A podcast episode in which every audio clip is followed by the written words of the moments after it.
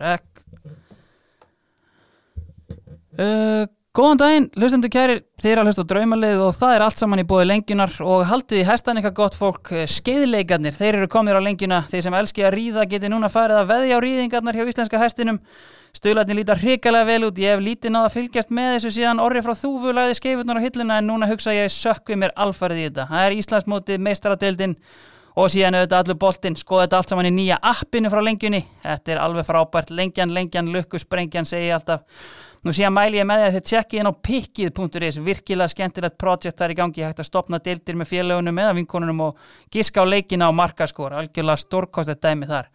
Nú þá erum við sem fyrir einni í bóða okkar manna á Session Kraftbar, þar er bjórskólin auðvitað á miljón, skráið ykkur í það áður en það fyllist, brosið á ása breykar með hverju mínúndunni, enda er hann einfallega farin að taka yfir íslenska bjórmenningu. Ég á þetta, ég má þetta, segir hann alltaf við mig og svolgrar í sig Imperial Stout bjórnum sem hann er bruggar úr uh, kannilsnúðum frá Brauð og Kó. Ég hef ekki hugmynd hvernig hann fer að því en uh, bara ási á þetta og hann má þetta. Þá eru það okkar menn í skrufinu og White Fox, bestu nikotín púða landsins, allir hættir að taka í vörun á komni með þessa litlu kotta. White Fox með styrkleikan, skrufið með bræðið, það langbesta á markanum í dag og fæst allstaðar fyrir gjafaprís, allt bössið en ekkert bagg. Nú þá eru að síðan auðvitað vinnur okkar í Sútöpp, Egil og Jökull alltaf með okkur. Búin að koma sér gríðarlega vel fyrir í bólholtinu í toppmálum þar og það er síðan auðvitað OK Bón sem eru síbónandi upp í Kársnesi að reynda smá brasa á Óla Kongi þessa dagana, hann er fastur í London en eh, ekki örvend að það fyrir sann að líða því að hann mæti sjálfur og nikli upphandlegsveðuna sína með svampnum og nýja ára ábyrðinni sem hann veitir en talandum ábyrð Þá er viðmælandi þáttarins grunnskólakennari með masterskráði í íslenskri málfræði. Hann var þó um árabíl einn albesti miðjumæður deildarinnar og hann leik allan sinn feril í efstu deild frá 2000 til 2015 með IBVF, KR og stjörnunni. Á yngri árum átti listakiðjan hug hans allan og hann hannaði meðal annars abstrakt listaverkið Pissað upp í vindin en 19 ára gamall var hann orðin fastamæður í byrjunaliði IBVF sem gerði óvænt alluða titlinum árið 2001. En eftir mögur ár sem fylgdu í kjálfari söðlaði hann um og mætti sem a big money signing í Vesturbæin eins og margur vestmanneingurinn hefur gert. Þar má hins vegar segja hann hafi aðeins staðnað, staðnað í starfi og var hápunkturinn hans að vera ónótaður varamæður í byggarástöðuleika árið 2008. Hann skipti þó yfir í spútniklið stjörnunar eftir tímabilið 2009 þar sem hann er góðsögn og ímist kallaður Silfurrefurinn, Morfar eða Iniesta eftir stórkastlega tíma í Garðabænum. Góði gestir, sá læriði, Atli Jóhansson.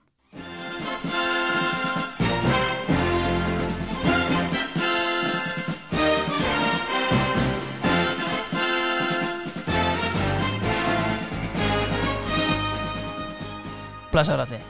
Blessaður. Og erum við ekki bara frekar ánæðið með þessa kynning? Þetta var eitt af svakalast sem ég hef heyrt bara. Já, kannski sérstaklega ánægð með að við værum að rifja upp eh, pissað upp í vindi Ég heldur betur, Já. ég held að það væri glemt og grafið. Nei, það er hægt að finna allt sko Það er komið aftur upp. Já, algjörlega Herru, ég meina, sko, ef við byrjum bara á byrjuninni Ég eh, í bóði Session Kraftbar í Bankastræti 14 Þeir eru hættan fyrir ofan gamla pizza pronto Við höfum svona verið að spyrja leikmenn Svona hvar á ferlinum var besta móralska stemmingin Svona kannski, kannski blautasta liðið ef að hægt er að fara út í það En svona hvar mátti bara ekki sleppa móralskum Ú, þegar stórt er spurt. Já, Uh, Ætli ég verði ekki að velja eigjar þarna.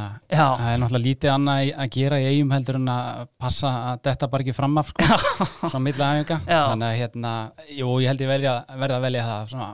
kannski líka þegar þú ert að koma inn í mestaraflokkinu, eða var góð stemming þá eða, þú veist, var það kannski meira svona eftir í sem leið á Já, tíma svona meira eftir því sem leið á heldur. Já. Að, hérna, maður kom náttúrulega nokkuð ungur svona blöytur upp baku eirun Já. og hérna, ég held að það veri kannski svona síðustu árin en það, en það var kannski árangurinn eftir því þegar við fjallum og, og svona, það var hérna, það var mikið fjör. Já, algjörlega, ég trúi því Herri, ég meina, eins og ég segi, það sem ég tók kannski fyrst eftir er að hérna, þú átt allan þinn feril í efstu deild og ég held að það sé ekkert hérna, sérstaklega algengt og ég meina að þú hættir 2015, þá kannski komið með 15 ára á tankin eitthvað svo leiðis ég meina, og lendir náttúrulega í erfið meðslum Þú veist, var þetta líka kannski bara svona komið gott eða fannst þér þetta svolítið hrifsað af þér ákvörunin að hætta? Já, það var eiginlega bara svolítið þannig, það var svona eiginlega tekið frá manni, Já. þú veist að eh, það var erfitt að- að að hætta Já. og sérstaklega þegar þú hættir ekki á þínum forsendum. Einmitt Eh, Guðjón Valur talaði nú um þetta hérna í sumar þegar hann var að, var að hætta og, og hérna frábært að geta gert þetta á eigin Já, heldur en að þetta sé einhvern veginn tekið frá þér sko. Já. ég, og og ég var lengi að jafna með á þessu það er nú kannski ekkit, ekki nema fjögur á síðan ég hætti nei, en eh, ég var alveg tvö, tvö og hálft ára að- að bara svona sætta mig við þetta væri búið sko. Þú veist, þetta var, þetta var erfið, stjörnumenn gerðu hérna, ég fekk að vera svolítið í kringum þá og Já. þeir vildi endilega taka mig inn svona sem, sem svona, svona bara um, að reyna að miðla aðeins Já, já. Í, í, í hérna hópinn og, Mhm. og, og ég er mjög, þeim mjög þakkláttu fyrir það Já, og það var mjög gott þegar þú varst ekki klár sko, Já. að hætta ég trúi því það ég átti smá eftir sko. Já, einmitt, nákvæmlega Herru, ég meina að ég fæ ætla að stilla upp þessu liði eh, eins og við varum að segja 15 ár, eh,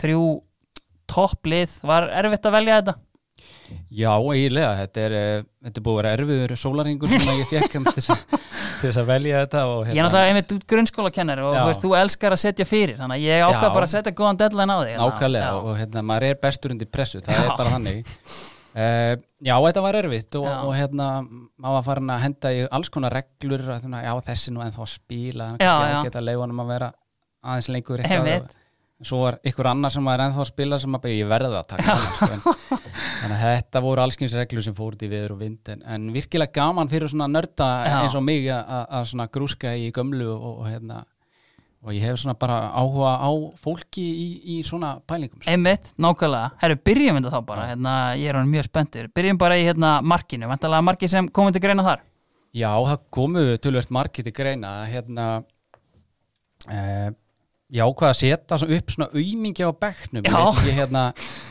þannig gauðra sem að komist ekki í liðið mér finnst samt svona verðitt að að minnast Einmitt, á nákvæmlega það var náttúrulega Birki Kristinsson er náttúrulega óbáslega góður markmaður Já, og, og hérna stuðmaður mikill Já. ef hættar að segja Já. Stjáni Fimboa annar sem var virkilega flottur og hérna ég kunni ofbáslega vel að meta hann já, Ingvar Jóns annar einmitt þannig að hérna en það var eh, minn góði vinnur Stefán Lói Magnússon sem Já.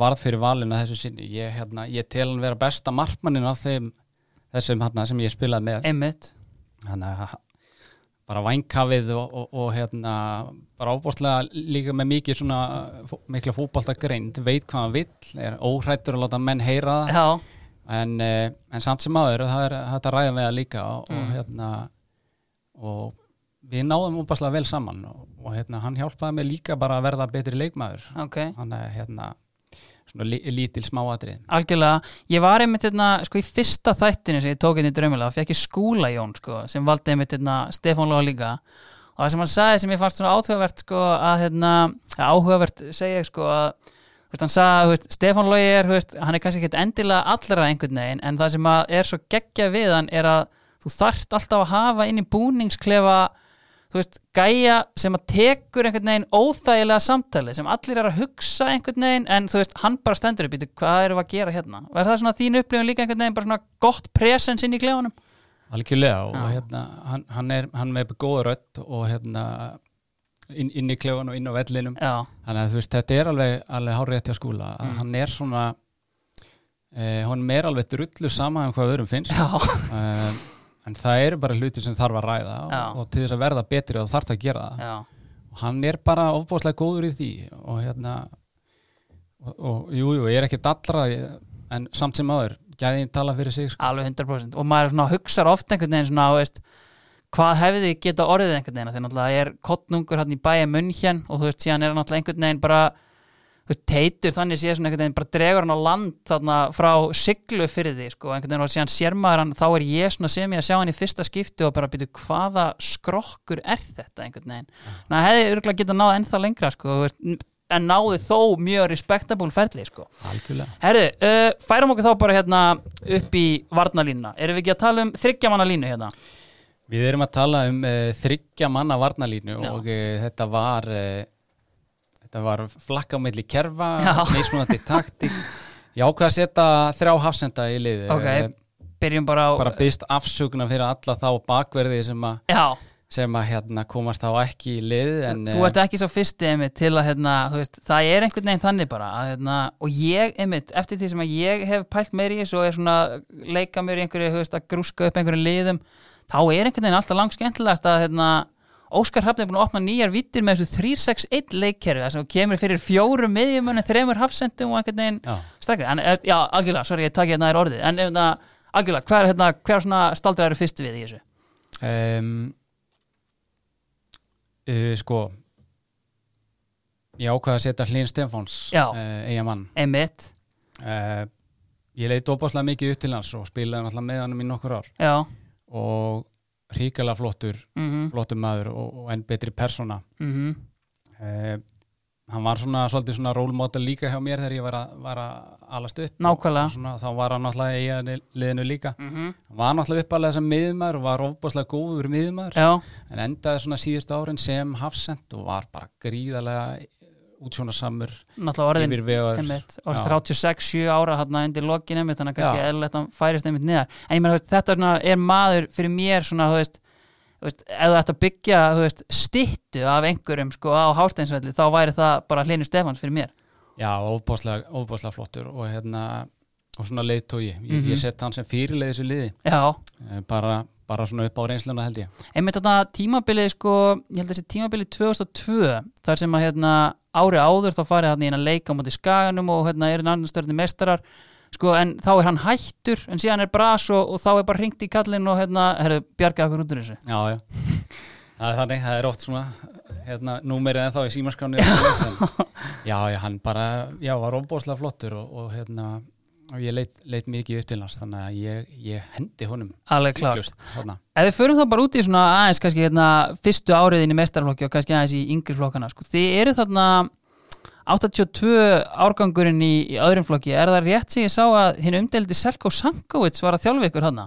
heldur betur Hvernig var svona, þú veist, hafi, að því að, þú veist, kynnti Selko aðeins sem lítill strákur í val einhvern veginn og maður með miklar kröfur en þú veist, vissi alveg hvað hann var að segja. Hafði hann góð áhrif hann í Já. eiginum? Algjörlega, hérna, ég, ég er bara góð reynslegan mm Mm. Mhm. og, og ég hef alltaf hérna, svona heyrt í honum af og til kannski ekki nýlega en, en, en svona hann, hann fylgdist vel með mér þegar ég var komin upp í mistraflokk og hann var náttúrulega í öðru, að þjálfa okkur í öðru flokki Algjörlega. og hérna og hann var bara, já, bara fýtt sko þetta var alveg, þú veist, öðruvísi en Einmitt. oft þarf það líka aðeins til þess að menn vakni og, Já.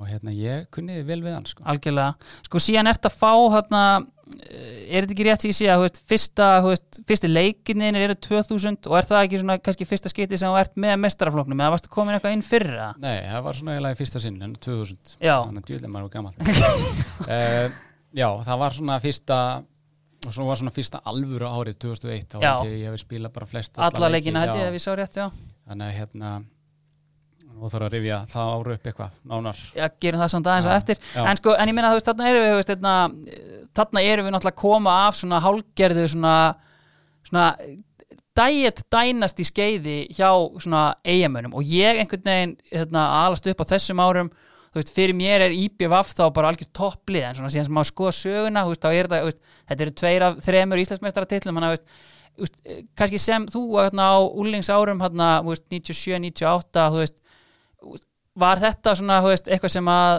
þú veist, menn voru bara í eigum bara, herðu, wow, þú veist, þýlikur árangur eða er krafan í IPVF á þessum standard það er eitthvað sem ég hef svona svolítið velt fyrir mér sko. Ú, Góð spurning uh, Ég myndi nú ekki segja kannski í dag að það væri standard að, að, að, hérna, En það var náttúrulega, þú veist, eigamenn eru náttúrulega alveg kólgeggja en þú veist, það er alltaf krafa um að vinna og, og þú veist, það er bara þannig, þú veist, þetta er svona skaga fílingur Já, líka, já, þannig já. að, þú veist, já og nei, eila. að því maður pæling, að, þú veist, alltaf, sko, skæin ánáttúrulega sko, átján Íslandsmeistara titla sko, á meðan, þú veist, IPVF á þrjá en þetta er einmitt svona, þú veist, einmitt, þetta er Bjarni Jó ennþá að þjálfa liðið, er það ekki Bjarni Jó er 97 og 8 já, eh, 99 held ég, hann, ég held hann klárið það held ég, já, 2000, ég held að Kitty Jóns að vera með þetta, já, Kristín Jónsson. já, einmitt og hann, Hann tekur er- þig hann inn í Já, mestarflokkin hann tekur mig inn í, hérna, í lók bara tímabilsins, Já. þá svona, fæ ég svona smjörþefin að þessu. Já,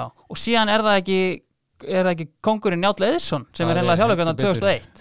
2001 orkubolti Já, Njáll Eðsson einmitt Hvernig Já. svona, hérna, ég meina þarna einmitt 2001 eh, eins og ég kom inn á áðan þú veist, þið farið þarna, þú veist ég meina kannski þú veist, þvert gegn öllum spám eru þið komnir þarna í bara svona, hérna, algjör og topparóttu sem að Kristallans í úslita leik hérna við skagan, þú veist, var þetta eitthvað sem þið sáu fyrir tímabilið að bara einhvern veginn svona matla þetta í gegn og bara, heyrðu, þú veist, það er þú veist, öll toppliðin, eða, þú veist, það er svona einhvern veginn erfitt að benda á topplið frá þessum tíma því að það var eiginlega bara káar en þú veist, einhvern veginn svona káar í rugglinu þannig að þú veist, þið sáu bara svona kannski ja, einhvern tíma bara, heyrðu, þetta er alveg möguleiki hérna eða var þetta kannski bara frá byrjun, þú veist Nei, kannski ekki alveg frá byrjun þetta Nei. var svona bara svona einhvern veginn eh, bara svona dag frá degi einhvern veginn eftir því sem að mánuðinni liðu kannski Já. frekar þannig að hérna, ég myndi segja kannski svona í seinni umfyrinni fóru, fóru menna aðeins að, að svona bara hugsa, já, þetta er nú bara við vorum alltaf með fínt lið þarna, já, já, þannig, en- algjörlega Uh, Tómas Ingi kemur hann aftur Já, og Bjarnur Bjarnólfur, Lárus kemur úr einmitt. aðvun mennsku við erum alltaf með Birki í markinu hlinur hann uh, já,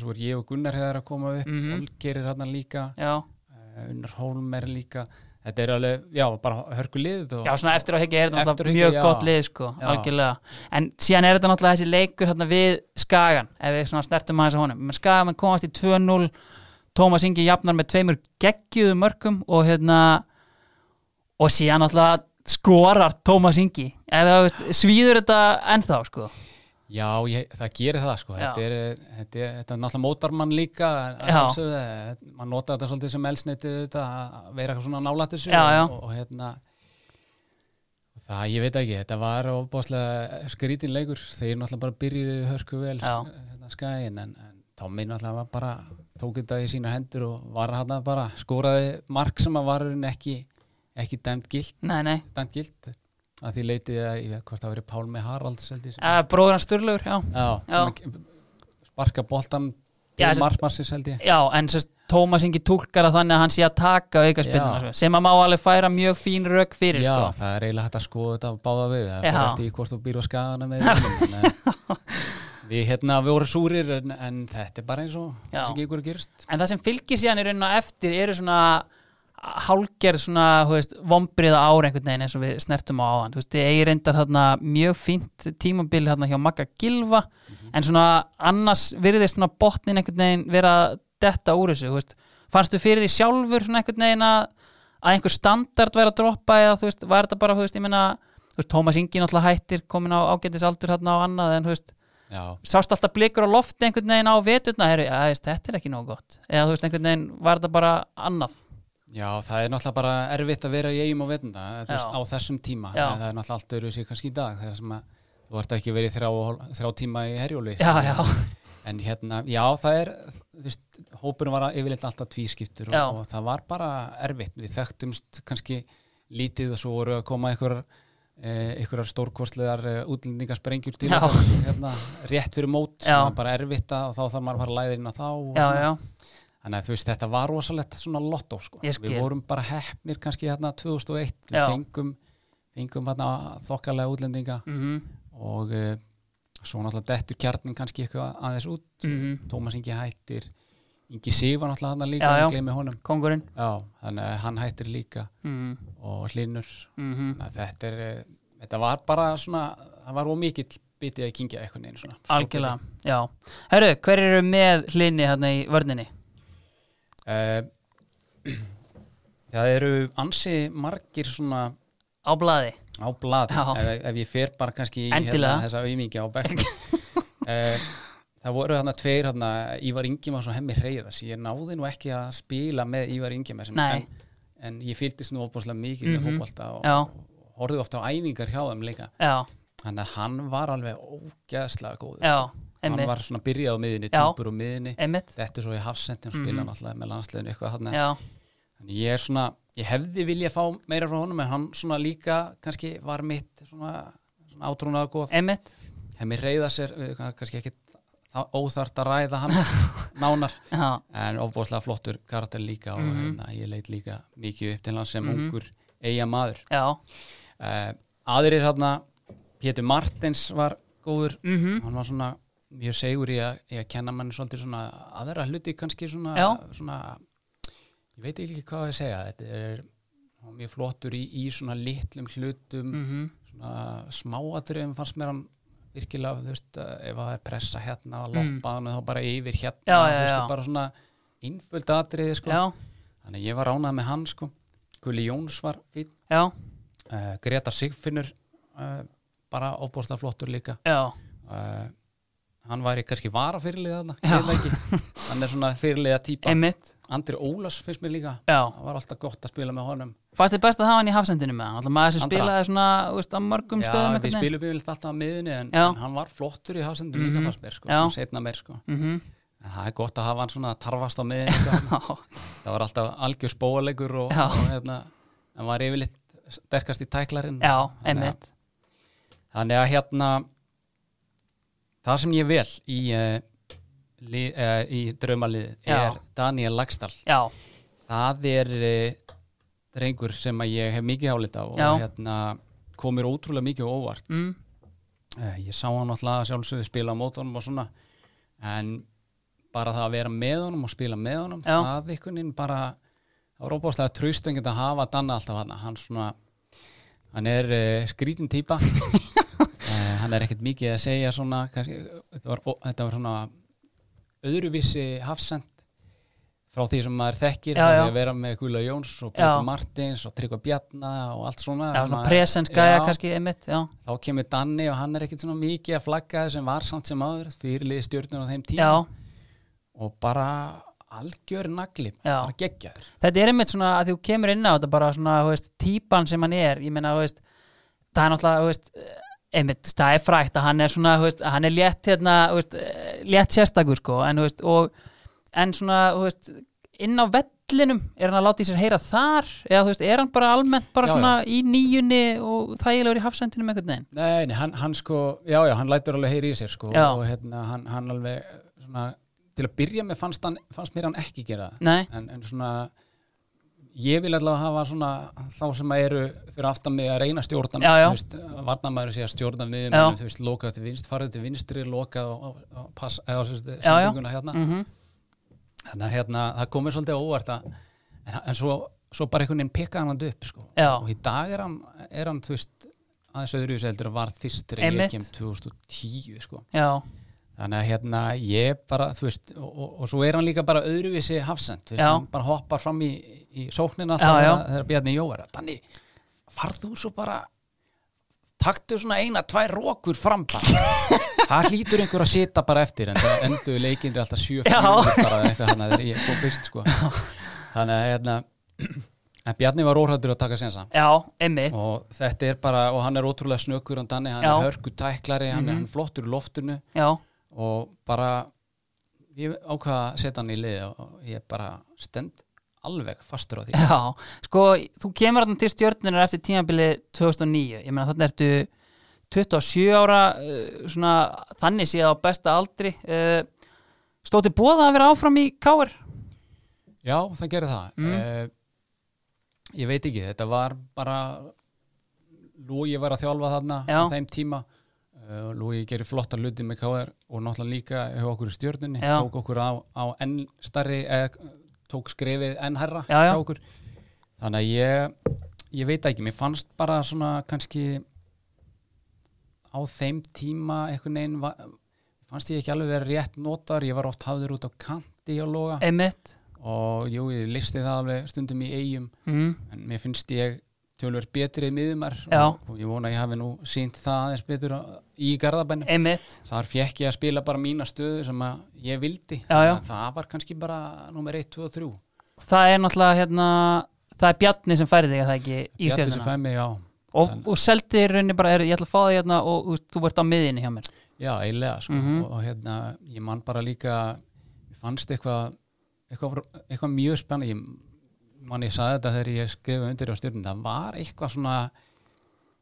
það var eitthvað svona rátt og ógeðslega spennandi við þetta lið sko. sem reyndist náttúrulega hári rétt að því að sko þegar þú sænar þarna, þú veist, þá eru þið búnir með eitt tímabil í efstu deild sko og þú veist, ef maður lítur á leikmannahópin í dag, þá meikar það alveg fullkomi sens að hérna, þú veist, þetta lið hafi nú bara haldið sér í deildinu og vel það þú veist, þvert á spára því að þú veist, þetta er bara þú veist, kjarnin í liðinu síðan sem verður meistari að mörgu leiti og eru svona þessi menn sem menn tengja við stjörnina en á þessum tíma samt, þú veist þetta hlýtur að vera svona ákveð svona fyrir þig að fara kannski frá káar í stjörnina og veist, skref kannski niður, hugsaður það eitthvað svoleiðis að Já, já og nei þú Já. veist, uh, ég veit ekki, ég var líka bara kannski svona að sækjast eftir einhverju nýrri nýrri áskorun eða eitthvað þannig sko mm -hmm.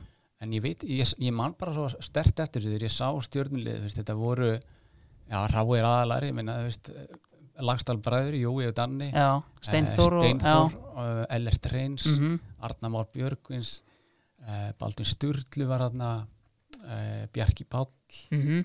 og bara óbúslega svona rátt talent einhvern veginn svona, Já. Svona, þú veist, enda enduðu leikindir alltaf bara 7-3, þú veist, bíkaleikur sem endaði 7-3 eftir að þeir komist held í 2-0 eða Já. 3-0, eitthvað bara svona, ha? Já, en einmitt eins og ég kem inn á sko, þú veist, hérna, þú veist, þarna þú veist, einmitt sænar hjá stjörninu eftir að hafa verið búin að prófa káar einhvern veginn og svona ef maður horfið svona á tröppuganga á ferlum þú veist, þá svona kannski þú veist, hafður til dæmis einhvern tíman svona drauma um atvinnumennsku eða eitthvað svoleiðis Já, já, eh, það var alveg, voru, hafa verið tilbúð Mhm. og eitthvað svona, þú veist, en það er, ég ákvaði einhvern veginn svona að, að hérna, menta mig og, og klára það. Já, Þegar að raunin kalli kemur þá ákvaði ég frekar að klára það og ætlaði svo að fara. hvenar er Eh, það sem að þú veist, það, er verið svona að tala í við þig? kringum 2006, Já, eitthvað í kringum það leiti. já, þegar, sem sagt, hérna, þegar síðan þú fer til káar þá kannski Já, fyrir svo til Káur og svo voru einhverjar, einhverjar fyrirspyrni þar líka. Já, uh, en svo meiðist ég bara eiginlega á fyrsta tímbili þannig Já. að það er svona á, átti bara í basli með það einhvern veginn Mhm. en það er bara eins og það er já, en einmitt svona að því að hérna, þú veist, kannski fyrir aðeins í þetta svona að því að þú veist, ég heyrði hérna viðtalið allar Sigur Jónsson daginn sem að svona, hvernig svona sömmeraði upp svona fyrir leikmann svona sem að, þú veist, með miklar væntingar á yngri árum og þú veist svona, hérna, þú veist, allir að segja við hann bara, heyrðu, þú veist, þetta er bara, þú veist, haldur rétt á spöðunum og þú ert bara farin hérna Já. og síðan einhvern veginn gerist það ekki þú veist, og þú veist upplifð, þú veist, að því mér varst þetta svo áhugavert sem hann bara sagði því að hefur enginn einhvern veginn sagt þetta bara, þú veist, að það er bara erfitt að breyta sínum markmiðum einhvern veginn úr því að ætla að fara í atvinnumennsku, úr því bara að tjúna sig inn í bara, þú veist, þetta er levelið og þú veist, ég þarf einhvern veginn að þú veist, bara vera á því og bara einbytta mér að því upplifir eitthvað svona í þessa veru? Um, já, það er alltaf, þú veist, sem fótballtamaður vilt alltaf við taka næsta skref Já. og, og svona, það er auðvitað sjálfsögðu þannig, en uh, ég veit ekki kannski, uh, þú veist, ég, maður viss alveg að maður gæti, Já. ég viss að þið gæðin, Mhm. uh, valin í landslið 2007, svo einhvern veginn meðist maður Mm og, en svo, ég meina, þú veist, þegar maður lítið baka, auðvitað, þú veist, auðvitað er þetta, þú veist, hefði ég átt að fara að það Já, þetta er alltaf ef já, já, spurningin sko en ég meina ég kynist mínum bestu vinnum hérna í uh, veist, fótboltanum Já, já. og þá hefði ég líklega ekki gert það nei, þannig að þú veist það er, það er bara hvernig þú lítur á það sko en, Mhm. en, en ég meina þú veist ég er ekki, ekki í vafa um að ég hefði staðið mig á, á hærra leveli og, Mhm. og úti sko ég meina við já tölvört marga Evrópuleikja Einmitt, að baki já. og, og hérna og kannski besta dæmið er interleikinir Já, já. það sem að maður bara þú veist, eh, og kannski Evrópuleikinir með stjörninu Já. þar bara var ég geggjaður Já. og bara, þetta er bara að segja það við þig já, já, ef þú vissið ekki nú já, þegar ég en vissi þetta- það alveg, já, já. en hérna, já, þannig að þú veist það var kannski svona staðfestingin bara þú veist, jú, klárlega hefði maður Mhm. Já. geta að spila það Voru þetta eitthvað spennandi lið sem maður heyrði þér hérna? Já, það var eitthvað svíþjóð og eitthvað Já. svona, þú veist, jú, jú, klárlega Já, algjörlega. Herru, uh, hver er þá sem lokar vörninni? Herðu, þarna var ég í basli með tvo aðla Já, og eh, ég vildi setja Tryggva Bjarnason hann en við spilum náttúrulega bæði eh, í öllum liðanum sem ég spila með, þá var hann í IBF, KR og stjörnunni já, uh, ég finnst hann vannmetin leikmaður Algjörlega. og hérna hörku, hörku skrokkur já, eh, sterkur En það sem að kannski flestir kannski átta sig ekki á að hann er, hefur óbrúðslega mikið auga fyrir leiknum hann veit, uh, veit mikið um taktík og, og, svona, og er svona presens hann er inn á bara vellinum. gæði sem tippar inn hellinga mörgum líka Já, náttúrulega. algjörlega, Já. Veist, og hann er bara hörku, hörku leikmaður mm Mhm. því leitið hann veit bara hvar boltin er Já. og hvar, hvar maður á að vera, Já. staðsendningar flottar og ég hef alltaf náð að spila óbúslega vel með honum Já, sérstaklega þegar hann er að stýra, fara til hægri, vinstri, upp, niður þú mm veist.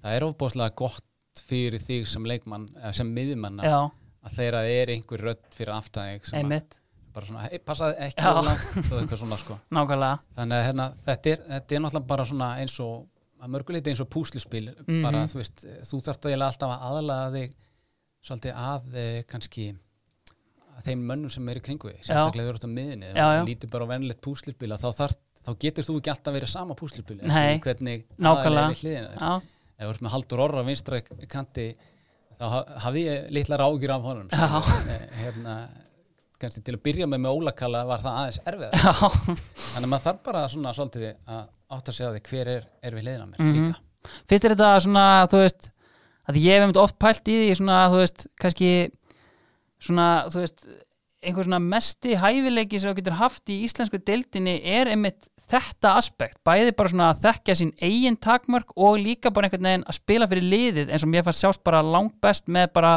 að K.R. rullar yfir deildina í fyrra á sko, þú veist, kannski einstaklingsgeðum frá Óskari en annars bara massífu bara liði sem bara svona, þú veist, tikkar bara fyrir hvern annan eins og vél sko. algjörlega og vita hvað er að gera Já. og vita hvað þessi þarf og svona það er bara hárið þér algjörlega, en hver hérna, Já, ég, ég ákvaða sérst að ég ákvaða ekki að velja Tryggva Bjarnar Nei. þetta verður með bóðið í ammali næst en, en hérna ég ákvaða að setja inn Alessandri Sjólds já, þannig að hérna, hann var alveg geggjaugæ mm Mhm. og bara og hafði bara allt einhvern veginn. já, var náttúrulega bara ríkilega mikið talent hættir svo bara Já, allt í já. einu, fer bara í himalæja já það ringir Henning Böttger eitthvað hérna í eina, símtal, eina símanum og saman þátt eftir að ringi já, þannig að þá hérna, já, já ég kem bara til Íslands til Já. ég eitthvað svona ævindir já, og hann kemur eitthvað neymaður og, og ég var nú oft í því, þú veist að bara svona taka á móti nýjum og eins, Já. og eins og þetta er og ég spyr hann bara fyrst að já, hvernig er þetta, þetta er bara rosa fínt þá sérst, kemur hann eiginlega þegar það er hérna þetta er hann að þetta er hann að hátíðin hérna fyrir vestan eða ekki, hvað heitir Aldrei það? fóru suður. aldrei fyrir suður já ég spyr hann eitthvað svona, já, hvað gerir um helgina Ég bara, já, ég kom bara þannig eitthvað, þú veist, á miðgudegi eitthvað og svo hérna, skellti ég mig bara, þú veist, hérna þangað, hann fór sur, ég bara, já, vel gert Ég bara, ok, og hvað, flugstöð nei, nei, nei, gerður, já, nei, nei, nei ég bara húkaði mig fart Ah.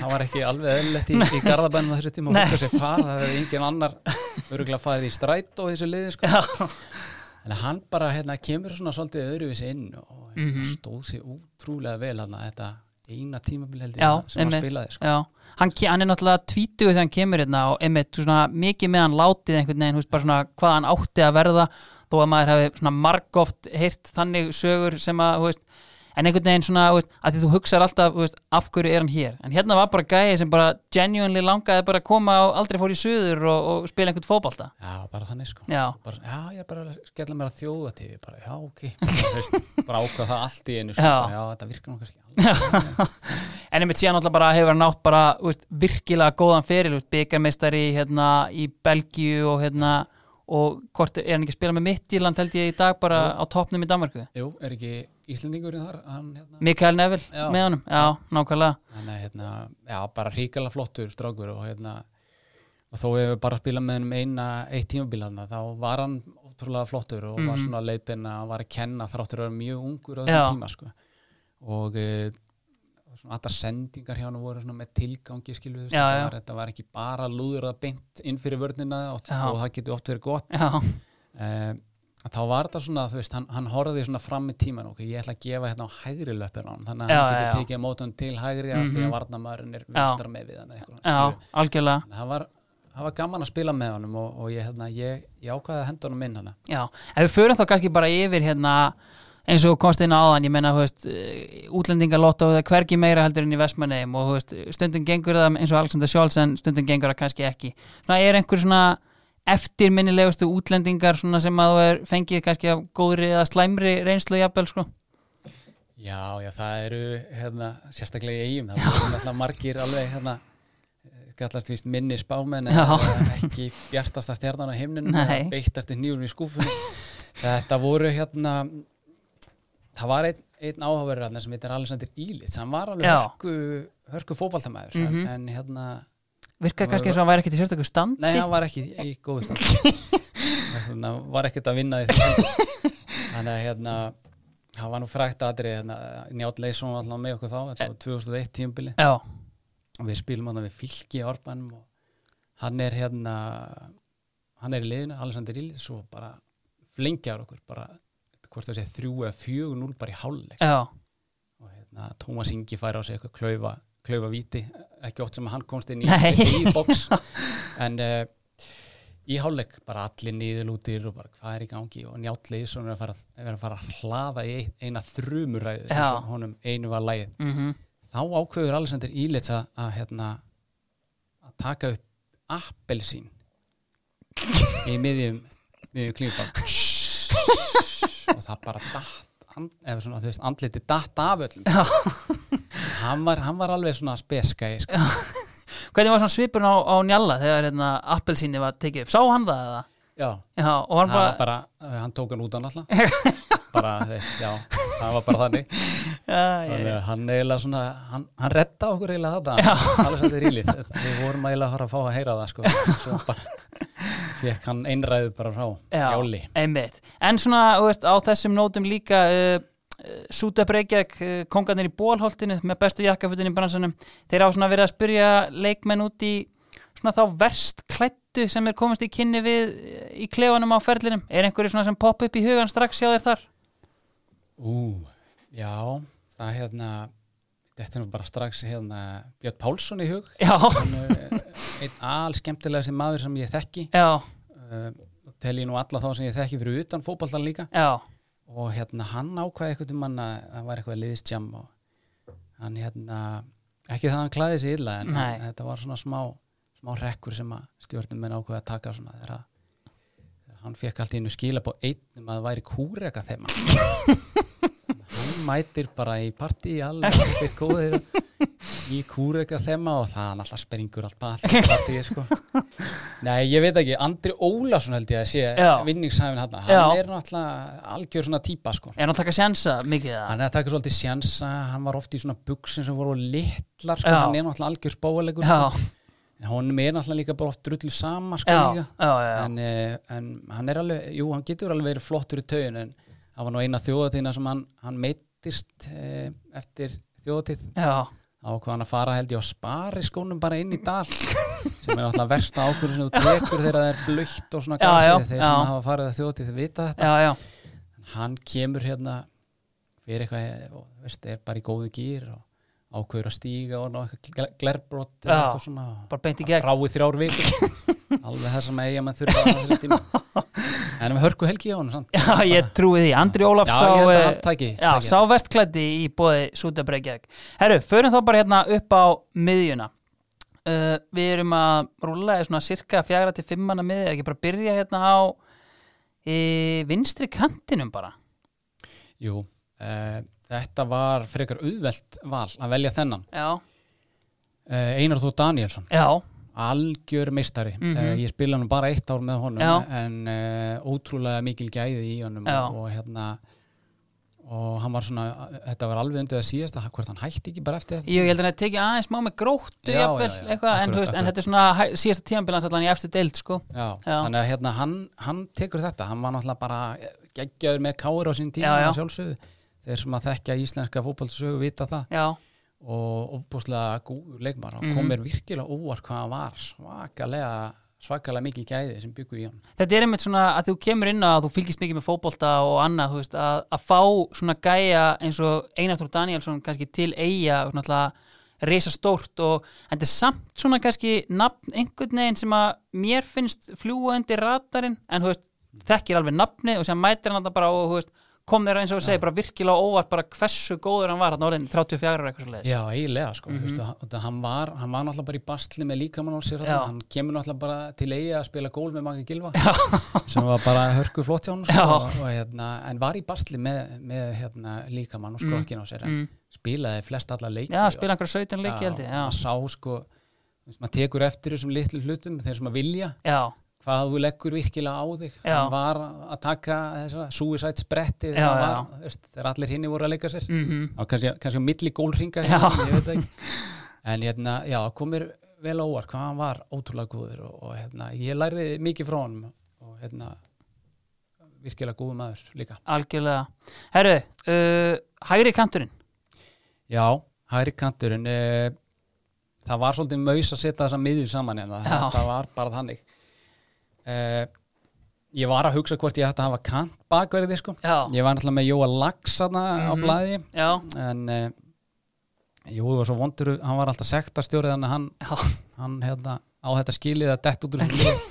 Hörður Átna fannst mér alltaf virkilega solid leikmaður Mhm. þó að hann hafi kannski ekki verið hæfileika ríkasti nei, en uh, skilaði alltaf sínu einhvern veginn. Algjörlega. þetta var svona þannig típa og Hjalti Jóhannes Mhm. hérna, bróði Bóri Stengjums Stengjum sjá alveg frábær og við náðum vel sama þegar ég var að byrja Já, og var, hann, var ég á kantinum og hann, hann bakurur já, hann var ofbúslega góður og, og hérna, hörku flottur og gaman bara hljóp út um allt Já. og hafði einhvern veginn ekkit fyrir þessu Nei, var alltaf fýrsléttur og, Já. og en samt alveg magnaður einmitt Mummi var annar Já, sem ég var skóður líka var, hann gæti allt eila bara já, en eh, ákvaða að fara á önnur mið já, já, og sem er bara gott hjá hann einmitt uh, já, hvað var ég að tala um hérna Hægri kantinn það er ekki wow, ég hefur ríkið sko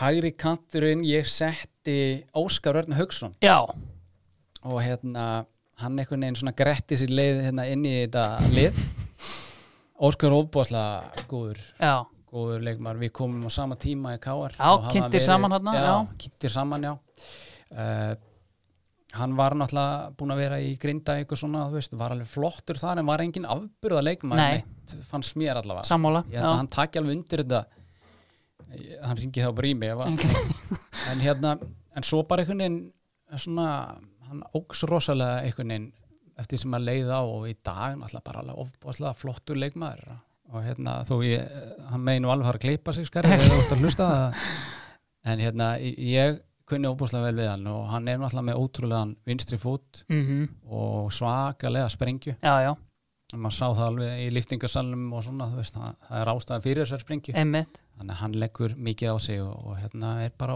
opaslega góður liðismadur líka Hann mæti náttúrulega þarna í K.R. sem svona bara kuppur í rauninni, þú veist, sem einhvern veginn, þú veist að því að um þú talar um þess að sprengju sko, en síðan finnst manni eins og sko þú veist, með árunum, að því að þetta- ég er- tek undir allt sem þú segir, varðandi svona að Óskar kemur hérna, hann átti þetta mjög gott tímabil það grinda ekki falla já, og náttúrulega öll liðin í deildinni vilja fá hann, hann velur KR en síðan svona einhvern veginn þú veist, kannski úst, vantaði kannski end product og annað en síðan einhvern veginn bara svona með árunum þá svona, þú veist, bæði svona slimmast hann niður en sprengjan er alltaf til staðar einhvern veginn, algjörlega og bara hérna líka bara mótast sem leikmaður veist, mm Mhm. hann var alltaf kannski svolítið viltur fyrst Já. eitthvað, en, en þú veist, bara me læri meira á taktík og það er náttúrulega hörku þjálfarar búin að vera þannig í vesturbænum já, já, síðan hann sænar, við sænum náttúrulega þegar teitur er hérna já og svo tekur Lógi við Mhm. og svo tekur e, e, Rúnar Kristins Já. minni mig einmitt,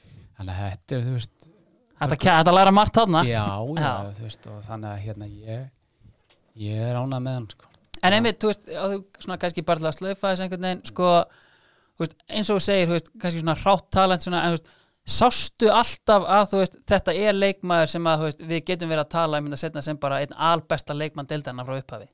nei, ég myndi nú ekki segja það Nei, hann hefur eiginlega kannski hann hefur farið svolítið undir radari með það sko. mm en e, e, mér fannst hann oft svona, svolítið, svona skott Ramsey típa já, og Ramsey var náttúrulega hrikalega góður og Já. mér finnst hann svolítið þar þess Já. að hann bara leikur sér stundum að Einmitt. fara fram hjá mönnum Já. bara, ef hann enniði sko. já, ég hérna átti mjög öðvöld með að spila mótunum já, ég sparkaði hann bara alltaf niður og hérna, hann, hann veit það líka já, þannig að hérna en þú veist ríkala gott að hafa svona gæði liði algjörlega. Alveg bara.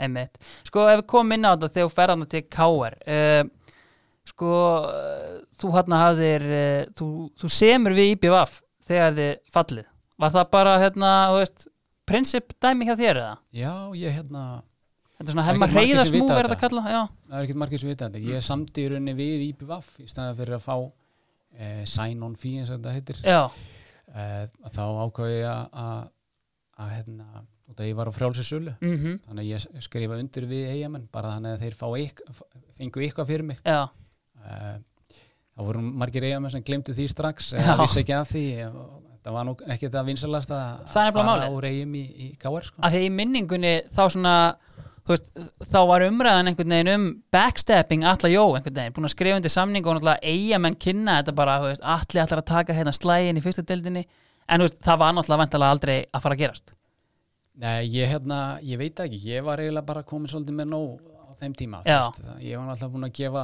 ah, ansi mikið í klubbin Já, já. og var bara honum þreyttur á þessu hugafari a- að redda alltaf einhver rétt fyrir mót Einmitt. og þú veist mér langaði bara í næsta skref og, og hérna, ég held líka bara að þú veist, það var það voru kannski mistök hjá eiginmennum að að fjárfesta ekki meira í ungviðinu, gefa ungviðinu meiri séns, Mhm. það eru þeir sem að eiga eftir að spila þarna allt sitt líf skilur, já, eða flestir einmitt, já, í staðin var verið að fá einhverja 5, 6, 7, 8, nýja Já, útlendingar já. sem að gista í eina, eitt til tvö ár já, hvað svo, skilur Já. þannig að þú veist, framtíðastefna var kannski ekki alveg nei, nóg góð Einmitt. að mínum að ef að maður lítur svona tilbaka já þannig að ég vildi bara fá meira og fá kannski öðruvísa áskorun fyrir mig líka mm -hmm. kostandi inn á hann, þú veist eh, eitthvað tal um atvinnumennsku og annað eh, Börgur hafði náttúrulega hringt í því þarna árinu áður Já. Eh, var það stutt símtal eða?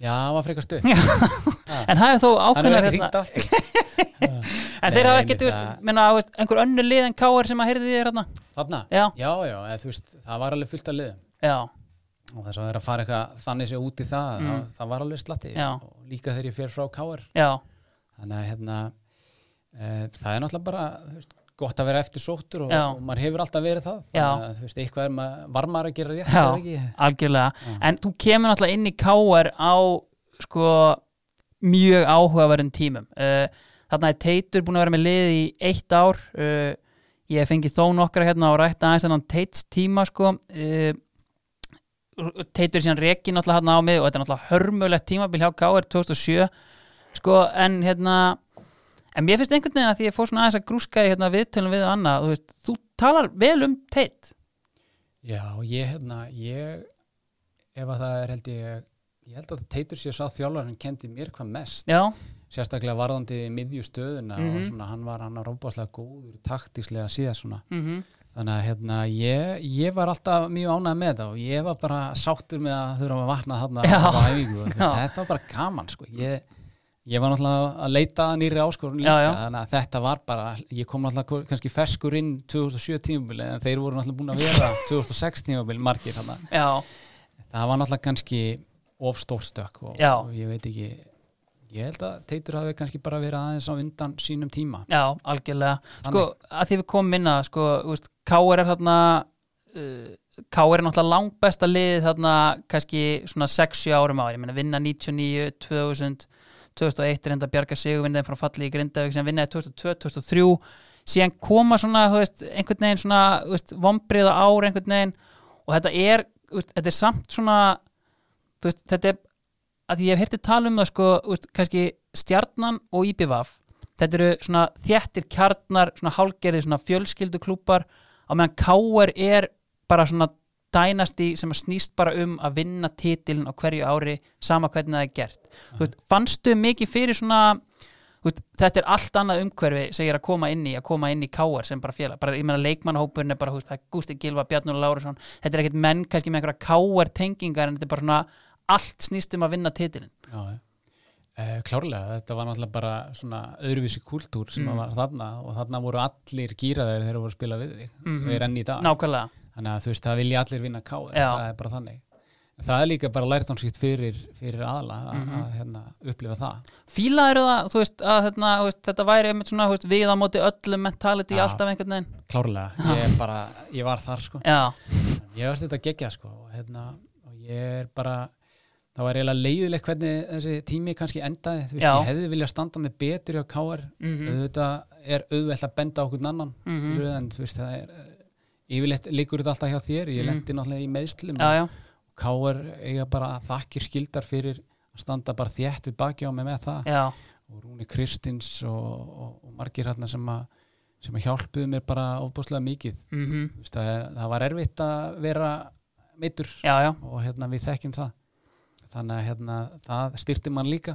mm en e, þeir flugu mér út tvísvar til andverspun í tvær mjög meðangir já, þannig að hérna Old það, old tip já, þannig að ég er náttúrulega búið með fjóra mjög meðangir núna í Já. dag þannig að hérna það var eiginlega kannski meina ástæðan fyrir maður hætti líka já, þegar maður, maður var svona tölfræðilega komið með fleiri mjamaðingir heldur en flest allir og hrafnist þá var svona kannski komið tíma á að segja þetta gott sko. nei, einmitt en Káur bara, þú veist, ég tala bara alltaf vel um hennar klubb Mhm. hann, hann er það ofbúðslega góður og, og ég hefði viljað gera meira mm en uh, það einhvern veginn skildu leiðir og svo kannski bara var ekki tími í neitt meira nei, ah. nákvæmlega herru, færum okkur þá bara hérna inn á miðja miðjuna hvað Já. hérna erum við að bjóða upp á þar kannski einhverju sem komið til greina líka Já, sko, hérna, ég ákvað að hafa náttúrulega skara hérna Óskar Örn á hægri kanti. Já. Það voru Haldur Orri finnst mér ofbóðslega góðu leikmaður Já. sem að ég vil endilega minnast á hérna og það Mhm. kom mér virkilega óvart hvað hann var ofbóðslega góður þegar ég kom já,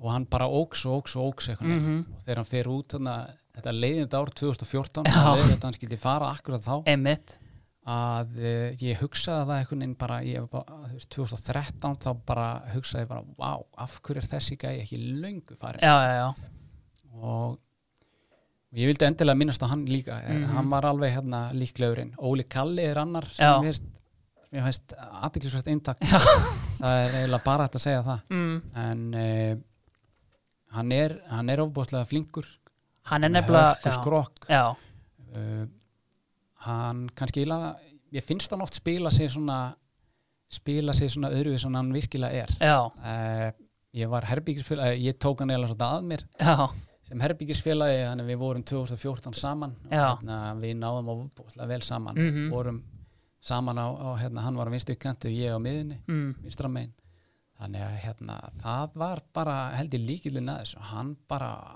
þú veist, óks í sjálfströsti Já. tók víti í fyrsta leik Já, já. gekk bara svona jumpstart inn í þetta og Já. bara var geggjar þetta Mm mm -hmm. nákvæmlega þannig að ég ætla að setja hann hana, sem aumingi á bekknum já, uh, og uh, annar aðli líka Ingi Sig já, bæjasturinn já, hann var svona hann var ógeðslega góður þegar að þú spilaði með hann já, áttaður þið á því hversu góður hann var mm en svona ríkala bara þú veist, hann vem- var, var tilbúin að fara í stríð já, já, með eigamönnum Já, já. sem er Já. sko. Ha, þannig að það er- hann er, hann er í stjórn í dag já, í hérna KSI Mhm. eitthvað og já, bara geggjaðu gæi algjörlega en ef, en inn á ég ætla miðjunni, að færa, já. færa okkur inn á miðina ég fyrir bara í allar átti með það þetta er bara flott þannig ef að hafa þetta sko, uh, númer eitt Jónas Guðni Sæfarsson já, það er eh, aðili sem ég set í mitt lið bara ótrúlega flottur mm og hann kannski var líka svona þegar þú áttaði á því þegar þú voru komin með honum í,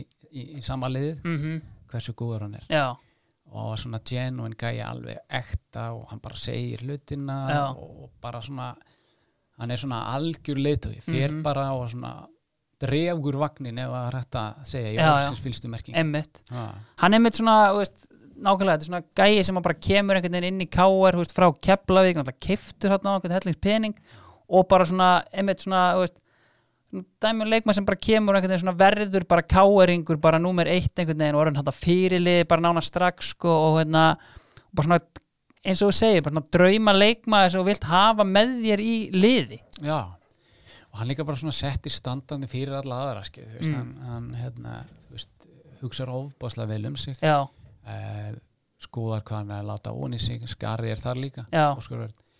og þú veist, þetta er bara svona algjörst role model svona fyrir, fyrir aðra leikmenn mm bara svona ótrúlega gott svona inn í eitthvað lið Já. að- að fá eitt svona algjörlega hver er með honum að það á miðinni Herðu, eh, ég ætla að segja að ég hef verið mittur hérna í þessu lið en Já. það er ágætt að að setja einhvern annan já, lítið er um pláss ég ákvað að setja Rúna Kristins já, inn á miðina Mhm. mm Jónasi Mm. eh, hann spilaði náttúrulega, við spilaðum saman eitt ára í KR 2007 já, já og bara hörku gæði sko. já, það er bara, maður náttúrulega fylgdist með íslensku fótbolta, hann var svona einn af mínum, Mm. á, svona átrúnaða góð líka Mhm.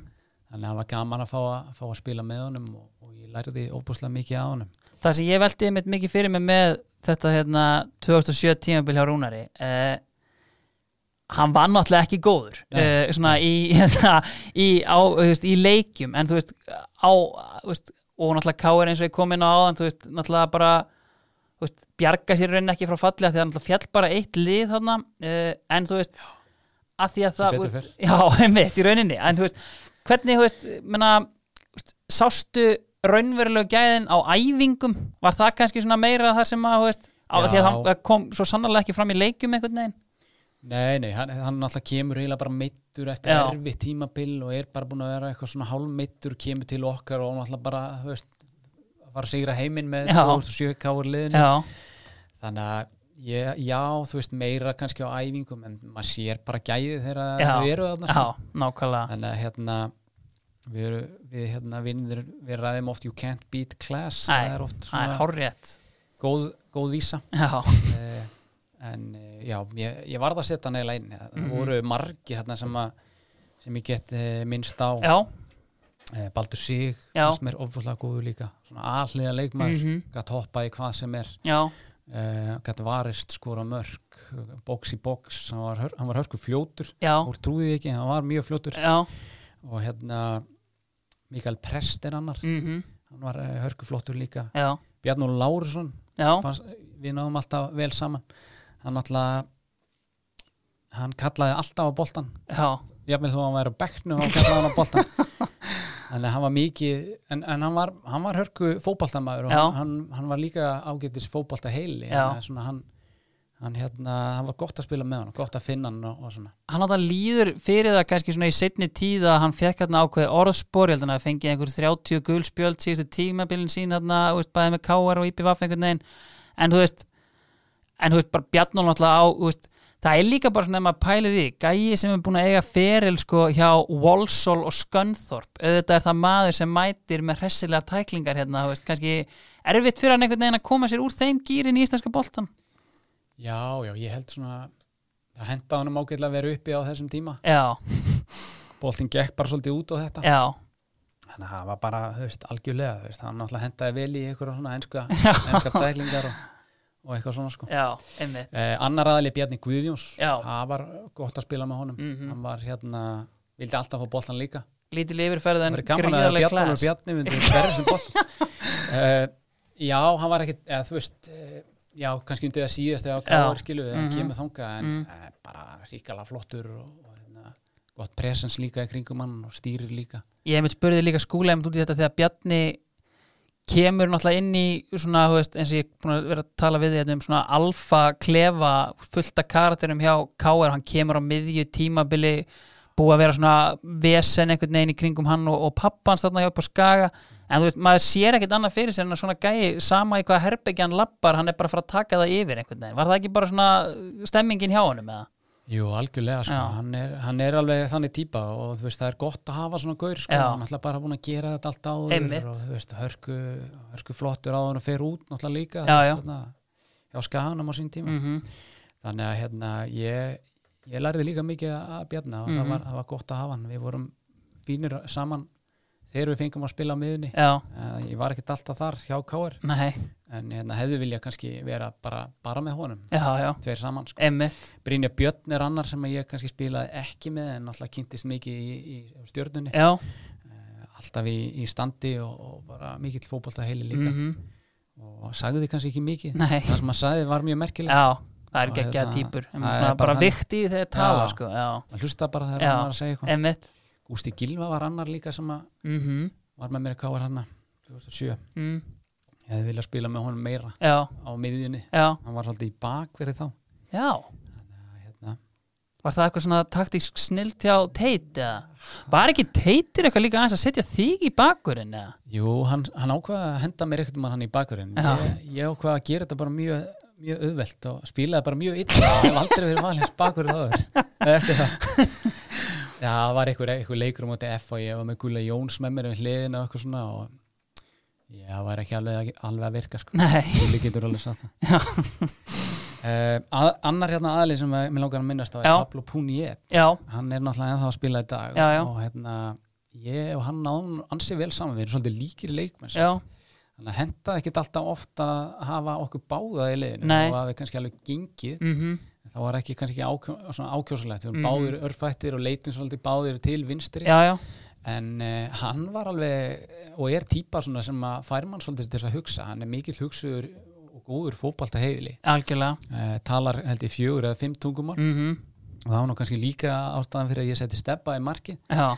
Þetta er náttúrulega útlenskt lið hérna mörgum lið en uh, það er gott að hafa menn sem tala þýsku og hitt og þetta já, en uh, Púni 1 var ofbúðslega ofbúðslega áhugaverð típa Já. hann var alltaf svona, við vorum svolítið að reyna að challengea hvort annan hérna, Mhm. ég lærði töluvert á hann og ég vona að hann hafi gert það sömu leiðis en uh, hann var svolítið að spyrja svona, þú veist, hvernig hvernig myndið þú leika á þig já svolítið djúpar pæling Ég skil ekkert, ekkert allir sem er eitthvað, já, ef að ég væri hérna myndið leika á mig Já, já, já, þannig að þetta eru svona, svona öðruvísi þættir hvað hva þýtti ég að bæta og hvernig myndi ég reyna að fara fram í Já, nákvæmlega. Sko, Pablo er náttúrulega búin að vera hérna, þú veist, þetta er nánast komin einhver tíu ár síðan hann kom hérna fyrst, sko, fer held ég fyrst í fjölni einhvern veginn, dúkkar þar upp og náttúrulega síðan bara búin að vera, þú veist, náttúrulega á geggja tímabilata með stjörnunni en síðan einhvern veginn, þú veist, hann fer til eiga og þar svona, hérna, þar einhvern veginn upplýði ég það þannig að, þú veist, honum var bara ætla að koma þarna inn og verða kongurinn á meðan hann er kannski meira, þú veist, hann er, þú veist, leikmaður sem er, þú veist, gerir kannski aðra leikmenn betri og svona einhvern veginn tikkar meira í geggjuðu liði heldur en að vera einhver stjarna Já. sangjöld greining eða Já, já, að mörgu liti sko ég, hérna, ég veit ekki, ég held að hann hafi bara ekki verið með nómarga í kringu sig Nei. kannski til þess að að verða kóngurinn skilu, Já. þetta er erfitt náttúrulega sem miðmaður að, að hérna að að verða, þú veist, í- ef þú ert ekki í, í kannski nóg, með góð, góð, nómarga góða við hliðina Já, já. Líka, þá getur og náttúrulega hann er erfitt. ekki þessi svona líkamlegi fors sem að þú veist, getur einhvern veginn svona tekið allt til sín einhvern veginn svona þannig sko en hann bara hörku tæknið Einmitt, sko, já. bara skilningurinn alveg óbúslega góð ástæða fyrir að hann er í, er í landsliðinu að núti sko. já, Þannig að, algjörlega hérna, ég, ég vildi endilega minnast hann og, og Jordao Diogo já, það er eh, hann er geggjaður sko. já, það var alveg góður strákur og Já. kemur ykkur bara mjög óvænt ykkur ég veit ekki hvernig logi pantaði hann Logi sagði mér hérna, hann kom hérna fyrir kannski tvei mánuði síðan eitthvað, hann sagði mér að, að Arnur Guðjónsson hefði ringt í sig og það væri hérna einhver maður í hérna, þú veist, bara hjá rauðakrossinum eða eitthvað sem hérna langaði að koma í fótbolta og það var basically hann og hann sagði bara að hann hefði mætt hérna og berið bara hörku góður sko. Ah, Já, já. það kemur ekkert að voru það, hérna, en hann var bara óbúslega segur Já, og þetta er eiginlega svona hann var alveg náttúrulega eins og eh, flestir hérna flestir eh, svartir menn sem ég þekki eh, mhm, án þess að fara að líta greina einn eða neitt nei, þá var hann alveg bara ofbóðslega fitt sko. Já, já. og hérna maður var bara svona hvað er að frétt já, og hérna ofbóðslega góður í svona návi með sig já, algjörlega, sterkur og maður Mhm. átti bara ekki breyk að komast nálat Nei. þannig að þetta er svona fyrsta sinn sem ég upplýði það hjá svona, svona skinny já. svona mjóum aðla Já, en þetta var einmitt svona, ég fekk svona upplýðin að svona, ég man einmitt bara, ég held að fyrsti leikurinn sko sem ég sé hann þá er hérna, hann mátti val, ég held að þessi 2007 eða 8 frekar, ég man ekki alveg sko, en hann svona kom inn á og þú veist, maður hafði ekkert oft séð svona reyfingar líka bara einhvern veginn, þú veist, Nei. hann svona byður kannski um kontaktin hann er að fara fram hjá mönnum og síðan bara, þú veist, er hann bara farin einhvern veginn, Já, já, svona algjörlega nýtt einhvern veginn svona sem maður hefði séð á Íslandi sko. algjörlega, hörku Já. hraða sko. Já, og hérna þannig að ég bara, ég ákvað að minnast á hann hann Já. er samt aumingi á bæðum en heyrðu, sko Eh, hvert, hvert vorum við komin? Herru, færum okkur í hérna uh, smá sprell, eða nei, alls ekki sprell en sko lengjan, uh, lukkusprengjan með uh, hérna stuðlana á rýðingarnar hjá höstunum uh, þeir eru að spyrja okkur út í já, við mennandur þetta ekki að spyrja mig neitt út í svona- svona eftirminnilegustu leikina frá hérna ferlinum og ég meina þú veist, það hljóta nú að vera þó nokkri leiki sem koma upp í hugan bara svona hjá þér svona þegar þú ferð á kottan á kvöldin já, það eru það, það eru nokkri sko. ég hérna, mér þótti óbáslega vænt um að vera valið í landsliði, aðlandsliði Já. þó ég hafi ekki komið inn á Já, en uh, það var alveg svona persónuleg sigur fyrir mig algjörlega en eftirmennist leikur væri kannski hérna uh, ég þótti óbáslega vænt um hennan basaleik hérna, Já. með káringunum Já, það var einhvern veginn svona, við vorum nálætt í að íta þeim út sko. einmitt og eh, kannski klúður í okkur, við vorum einu fleiri í setni úti, Já. eitt eitt staðan Einmitt. og vantaði marka já, hann að þess, þetta var en, en þeir voru náttúrulega líka góðir Shakiri og Já. Alanda Frey Já, já. og Hörgu leikmennan Algjörlega, uh, ég held ég verið að minnast á náttúrulega hérna Íslandsmeistar- Íslandsmeistaratitilinn 2014 já, já, í uh, FH stjartan já, já, 2-1 já, Eh, það var bara toppurinn á ótrúlegu tímabili Já. það var bara einhvern veginn skrifaði skíin sko. sko, ég meina ef við tökum það bara, sko, þetta tímabil 2014, sko ef við spólum bara, þú veist, í apríl 2014, þú veist, ég meina spá fótbolta.net er byrt, stjarnan er í fjóruðasæti og bara, þú veist, logi þú veist, sem hafði einhvern veginn komið að inn í stjörnuna og, þú veist, farið með liðið í í hvort það er einn að tveir byggar og sluttarleikir uh, hann kemur liðin í fyrsta skipti í Evrópukeppni uh, og hann er bara látið fara þú veist, og svona fyrir svona bara áhorfanda á deildina og svona ha, þú veist, hvernig hérna þú veist, og Rúnar Páll er ráðinn sem ég hefði aldrei heyrt talað um og einhvern veginn svona og sko Haldur Orri fer uh, hérna uh, verkfræðingurinn gett ekki Bjarki Páll Eisteinsson, hann leggur skón á hilluna og, og ég meina innkoma hérna Arnáma Björgvins kemur tilbaka og er þetta ekki síðan bara hérna Vemmelund sem að Heimir Guðjón segir að haldi aldrei línu og hérna og, það- og Pablo kemur hann að veist, liðið á pappír svona, þú veist þú hugsaðir ekki fyrir mót þetta lið fer hérna tablöst í gegnum tímabilið og, og hérna mæti síðan Inter Milan á, á San Siro en hvernig var svona, þú veist, Nei. hvernig var bara svona tilfinningin inn í hópnum bara svona fyrir tímabilið það var svolítið skrítin stemming einhvern veginn, svona, já, svona missa Dóra Já. Dóri voru algjörlega svona burðastólpi í þessu Einmitt. liði þetta verður náður Já. að skora bara 10 pluss mörk Einmitt. nánast allt á hverju einustan tímabili já, og í öllum regnbúans litum það var alveg stórt högg að missa hann og, mm Mhm. veist, og við náttúrulega þekktum Pablo kannski ekkit mikið þegar hann kemur inn já, já, svo eru náttúrulega bara ungi kjúlar að koma inn Já. eða þessi 95 áttungur heldur og mm Þorri Geir og Heiðar Ægis Mhm. og Jonni, Jón Arnar Bardal já kongurinn í dag All- Já, Alli Ottesen eh, hvað var eh, hvað er, ég er að klema ykkur um það voru ykkur fleiri já, þeir eru einhvern veginn að koma inn og þú veist síðasta séns kannski hjá Veigari og Já, já. Garðari Já, líka og, einmitt. þú veist, og ég rætti við einn góðan stjórnumann fyrir fyrsta leikin og hann sagði bara, ó maður, ég hef ekki góða tilfinningu nei, Ég sagði bara, nú, hvað já, bara þú veist, og þá held ég að hvort að Garðar hafi verið mittur eða Veigar Já. mittur eða eitthvað í uppaði mót sko. einhvern veginn garðar og sko prest, þeir Já, einhvern veginn þetta- byrja ekkert mótið einhvern fyrstu veginn leikinni voru alveg bara, þú veist, bara sko. já, þannig að hérna, þú veist, og hann segir bara æ, þú veist, þetta er svona síðan sér síðan sem við erum með Garðar og við erum með Veigar og, við erum Já. með þig og þú veist, þið eru ekkert að verða yngri það var bara alveg rétt hjá hann já, og hérna, þú veist, og hann var bara í erfileikum, eða skilju, þú Já. veist, hann, hann átti erfitt með að gútira þetta, Já. hann skildi ekki vera hafa fórnað einhverju meiru til þess að fá eitthvað já eina góða springi í viðbót til þess að Mhm. klára sísonir en hvað svona, þú veist að því að það sem náttúrulega gerist er bara að það smellur bókstaflega allt sko Arnar Már sem að hérna, þetta sem að menn voru eiginlega bara búinir að afskrifa þú veist, ég menna hann hefði verið sko í Viking Ólasvík árið áður, nánast á bekknum þar uh, hann kemur og er bara geggjaður, Óli Kalli svona fullfillar potensiali sitt í rauninni kannski, þú veist, kannski ósangjandi að segja en þú veist, í rauninni hans eina algjörlega tímabil á hans svona leveli sem að hann ætti að vera á uh, þú veist, hvað svona þú veist, getur þú kreditað ykkurju svona hvað þú veist, gerði þetta að því sem þetta var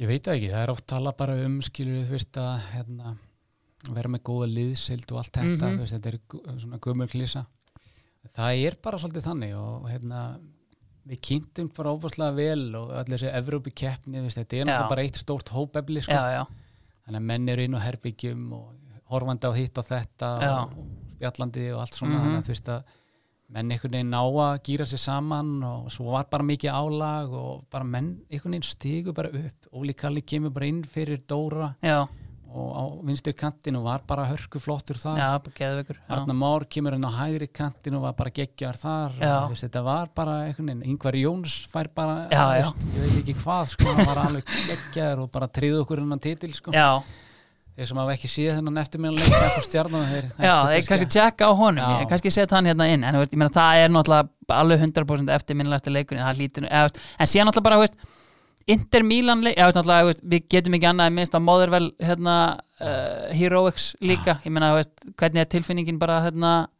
þú veist, að bara ganga í þetta bara og hérna, afgreða það einvið það var bara óbúslega góður leikur og Já. hérna, þeir voru hörku sterkir sko. mm og ég man bara man bara fyrir leikurinn þá, þá komast þeir í 2-0 Eik Já. veiga pátarnenda klúrar sko, auðveldasta færi sem ég hef nógt um að sé á annari mínútu já, veigar veit hvað ég er að tala um já, og hérna, svo skora þeir bara tvö og eftir 20 mínútur er bara búið að vera því lík pressa á okkur, Já. sko, og allir að andast í ykkur um hitta þarna Já. í júli eða júni eða hvað það Mhm.